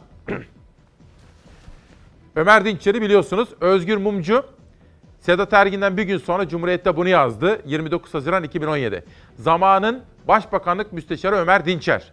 Gülen cemaati hakkında icra planı hazırlanmasını tavsiye eden MGK kararının nasıl sumen altı edildiğini şöyle izah ediyor. Milli Güvenlik Kurulu'nun tavsiye kararı Başbakanlığa bildirildikten sonra konuyu Başbakanımıza açtım. Gelen yazıyı dosyasına kaldırmaya karar verdik. Bu karar metni Bakanlar Kurulu'nda imzaya açılmadı. Hakkında hiçbir işlem yapılmadı. Konudan MGK toplantısına katılan bakanlar dışında kimsenin haberi olmadı. Bütün toplumsal ve siyasi riski hükümet adına Sayın Başbakanımız hukuki riski de ben üstlenmiştim diyor. Şimdi fotoğrafa bir bakınız. Ömer Dinçer Sayın Erdoğan'a en yakın isimlerden biriydi, kurmaylarından biriydi ve onun başbakanlık müsteşarlığını yapmış. Yani devleti aslında tabiri caizse bürokrat olarak yöneten isimlerden biriydi efendim. Bu da bence bütün bu tartışmalar yapılırken aklıma geldi. Sizlerin de dikkatlerinize getirmek istedim. Ben bütün bu tartışmaları izlerken en samimi kimi buluyorum biliyor musunuz? Siyaseten ayrışabilirsiniz. Öteden bugüne bu konuda en samimi bulduğum kişi Temel Karamollaoğlu. Peki FETÖ'yü devlet kadrolarına kim yerleştirdi? Muhalefet yerleştirmedi. Biz de yerleştirmedik. AK Parti ile ittifak etti. Bütün adalet mekanizması bunlara teslim edildi. İçişleri Bakanlığı'nda polis bunlara teslim edildi. Ben hiç unutmuyorum. Bizim bir arkadaşımız geçmişte birlikte koruma olarak çalışan bir arkadaşımız gitti. Ya dedi Emniyet Genel Müdürlüğü'nde 50 tane üst kademe görevli var. Biri hariç tamamı bu adamlardan. Ne zaman? Daha ortada böyle bir mesele yokken. Tamamı bu adam adamlarda. E, askeriyede aynı şekilde yerleştiler. Bakın tam ihtilal denemesinden isim vermeyeceğim ama bizzat bana gelindiği için söylüyorum. Tam ihtilal denemesinden önce Şubat ayında 5-6 tane albayı bir arkadaşımız aldı getirdi. Dediler ki ya bir şeyler kaynıyor. Artık bunların dışında generallik seviyesine kimse gelemiyor. Albaylar arasında bir oylama yapılıyor ama bunlar öyle teşkilatlanmışlar ki mutlaka kendi adamları general olacak noktaya geliyor. Aradan kayan olursa askeri hastaneye almışlar. Aslında bir şey demiyor. Sadece diyor ki psikolojik durumunda bir sıkıntı var. Psikolojik durumunda sıkıntılanan adam general olabilir mi? O da olmuyor. Böyle söyleyince dedim ya arkadaş kusura bakma ben böyle işlere girmem, bilmem, inceliğine de giremem. Onun için birini arayalım size ben göndereyim bakanlardan birine. Aradım. Arkadaşlar geliyorlar. Telefonda bir şey söylemedim. Sana bir şey anlatacaklar. Gittiler. Onu anlatınca o da diyor ki bak ben de bunu anlamam arkadaş bilmem. Başka birini çağıralım. Onu da çağırıyorlar. O da diyor ki ya bunlar evet daha önceden vardı. Bir takım bir şeyler yapılıyordu ama artık bunların hiçbir tanesinin kıymeti kalmadı. Kontrol altında her şey. Bu dediğim Şubat ayı. 2016'nın Şubat'ında, Şubat'ında darbeden 5 ay önce. Tam 5 ay önce. Ondan sonra pat diye 15 Temmuz'la karşılaştık. FETÖ'nün bu ülkeye yaptığı en büyük kötülüklerden biri 15 Temmuz hain kalkışması ise bir diğeri de belki ondan da daha büyüğü travma yarattı. Sınavlara yönelik hırsızlıklar, hak yeme. Ve arkadaşlarım beni uyarıyorlar. Zeray söyleyin. 2009 yılında yapılan komiser yardımcılığı sınavına ilişkin polisimizin ve savcılıklarımızın yürüttükleri bir operasyon var. Ve son dakika gelişmesi olarak aktarıyoruz ki şu anda 467 kişilik bir gözaltı listesi var. 67 ilde geniş bir FETÖ kapsamında operasyon var. O sınavda FETÖ'nün kendi yandaşlarına soruları verdiği iddialarını araştırıyor polisimiz ve savcılıklarımız. Son dakika gelişmesini böylece sizlere aktarmış olayım. Peki, peki iktidar ne diyor bütün bu tartışmalara? Ömer Çelik'i de iktidarın sözcüsü dikkatle dinledik notlarımızı aldık sıra onda. Ama önce iki kitap tanıtımı. Gülşah Çeliker. Kendisi bir belgeselci. Sabiha Gökçen konusunda bir belgeseliyle hatırlayabilirsiniz belki. Bir de kitap yazdı. Haritacı ve Kaşif imzaladı ve bana gönderdi onu. Susuz aşk yaşanmaz Profesör Doktor Hamdi Temel. Ve şimdi iktidarın bu konudaki sözlerini dinlemek üzere Ömer Çelik'e kulak veriyoruz. Esas problem şudur. Esas problem şudur. Fethullahçı terör örgütüne dönük olarak çok az cümle kuranlar, onları mazur göstermeye çalışanlar, Türkiye Cumhuriyeti'nin seçilmiş Cumhurbaşkanlığı ve seçilmiş hükümetine karşı en saygısız ifadeleri kullanıyorlar. Bugün bu Fethullahçı terör örgütüyle mücadelenin başında liderliğinde devlet başkanı olarak Sayın Cumhurbaşkanımız vardır. Dolayısıyla Fethullahçı terör örgütünü birisi bırakıp da Türkiye Cumhuriyeti'nin Cumhurbaşkanıyla uğraşıyorsa burada adres bellidir. Kim kimle yan yana düşüyor. Aynı şekilde hükümetlerimiz her alanda bununla ilgili en kararlı mücadeleyi vermiştir. Bizim devletimizin başına gelmiş en büyük belalardan bir tanesidir bu Fethullahçı terör örgütü. Bu başka şeye benzemez. Bu bir işgal projesidir. Tamamen yabancı kaynaklı ve bunun esası egemenlik kayıtsız şartsız milletindir prensibini lav etmektir. Türkiye'yi işgal etmektir. Bunun yerine bambaşka bir yapı getirmektir. Türkiye'deki demokrasiyi ortadan kaldırmaktır. İşte böyle bütün taraflarıyla sizlere aktarmaya çalışıyorum. Bir de Elton John gözyaşları içinde sahneyi terk etti. Çok etkilendim. Beyza Gözeyik'ten rica ettim. Onun haberini hazırladı sizler için. Emekli Muhtar Hacı Sakin İlhan Gürbüz'ün kitabı. Tanrı iyi peki ya insan Tolgağan Uzun'dan Felsefe Okulu 2. Ve bizim Çalarsat ailesinden kitaplar geliyor. Şimdi önce bir numara gelsin. Bir rahatsızlık geçirmişti. Sizlere söylemiştim. Kendisiyle buluştuk. Meryem anne, Meryem Er. O ve kızlarıyla bir de oğlu var. Oğlu orada yoktu. Geçmişler olsun diyorum kendisine. Bugün de Latife Öden anneyi ziyaret edeceğim. O da düşmüş. Düşmüş. Onu da ziyaret edeceğim. İki numara ve bizim Gökçen ve İlkem'in bir de oğulları oldu. Allah bağışlasın. Bebek görmeye gittik Ali abiyle birlikte efendim. Onu da kaldıralım. Ve 3 numara gelsin. 3 numarada da Gülperi'yi sizlere anlatıyorum. Tabi Atatürk tişörtü giymiş İsmail abisiyle buluşacağı için. Biraz kapatmışız ama Atatürk tişörtü çok şıktı. Bu arada ha koşu. Bu sene Türk Eğitim Vakfı ve Mustafa Koç bursu faydasına koşacağız. Çocuklarımıza burs sağlayacağız. Caroline Koç ve Koç Holding'in koşu takımı ve spor kulübü ile birlikte 500 kişi Antalya'ya gideceğiz. 2 hafta sonra kız çocuklarımızı okutacağız. Elton John'un gözyaşları.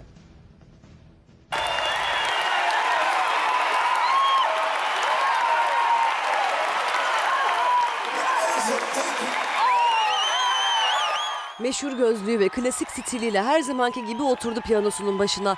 Ancak bu sefer söyleyemedi. Sesini tamamen kaybeden Elton John sahnede gözyaşlarına boğuldu.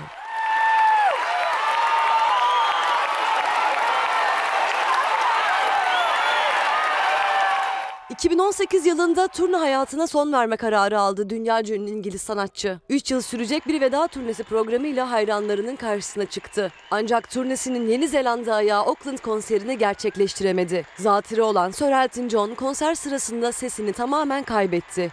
Gözyaşlarını tutamadı.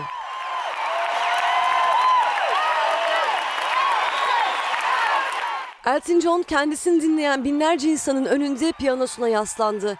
Elini başının üzerine koydu. Kendini tutmaya çalıştı ama başaramadı. Ağlamaya başladığında hayranları dünya ünlü sanatçıya moral verdi. Alkışlar eşliğinde konser alanında seni seviyoruz sesleri yükseldi.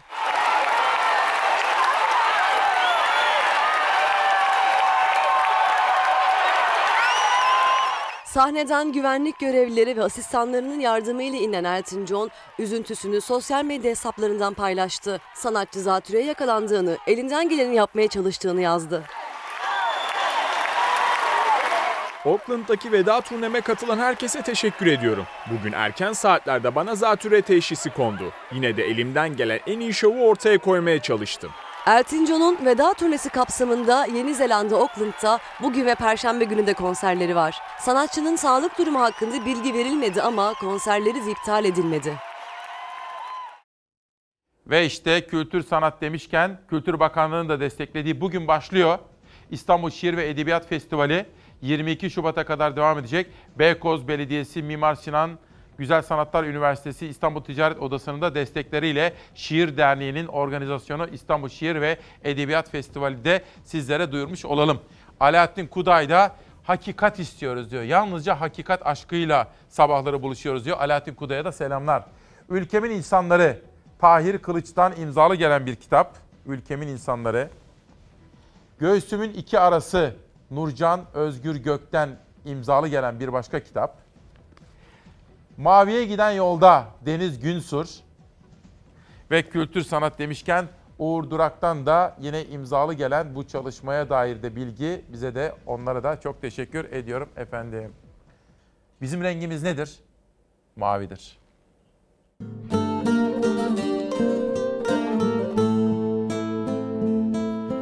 Öyle bırakıp gitme Sarılmadan Öyle bırakıp gitme. Sarılmadan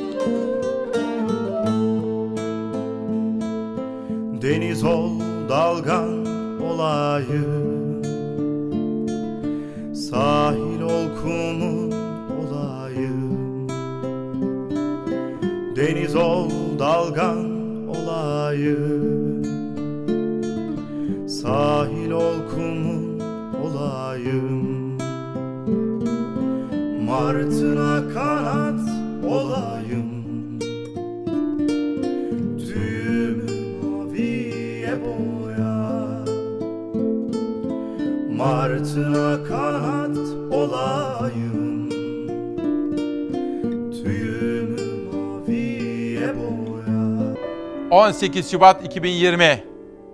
Bu sabahta dedik ki hayat pahalı.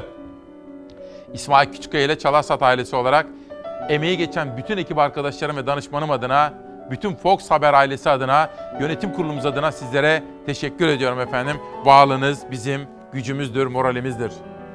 Suskun sana şiirler Hikmet Dönmez'den geliyor. Umuda yolculuk Maksut Eren. Bizimkisi Umuda Yolculuk. Ve doğa hikayeleri Gülay Tol'dan gelmiş. Bakın çocuklarımız için de kitaplar. Benim okuyup etkilendiğim kitaplardan Taner Şanlıoğlu'nun hazırladığı Nietzsche, Kaderini Sev. Hani hep diyorum ya, zorlu zamanlarda insanın dostu olmalı, arkadaşı olmalı. İnsan acısını insan alır ya. Nietzsche'den bir alıntı. İnsan, insanın derdidir. Doğru, insan insanın derdidir. Lakin insan dermanını yine insanda bulur.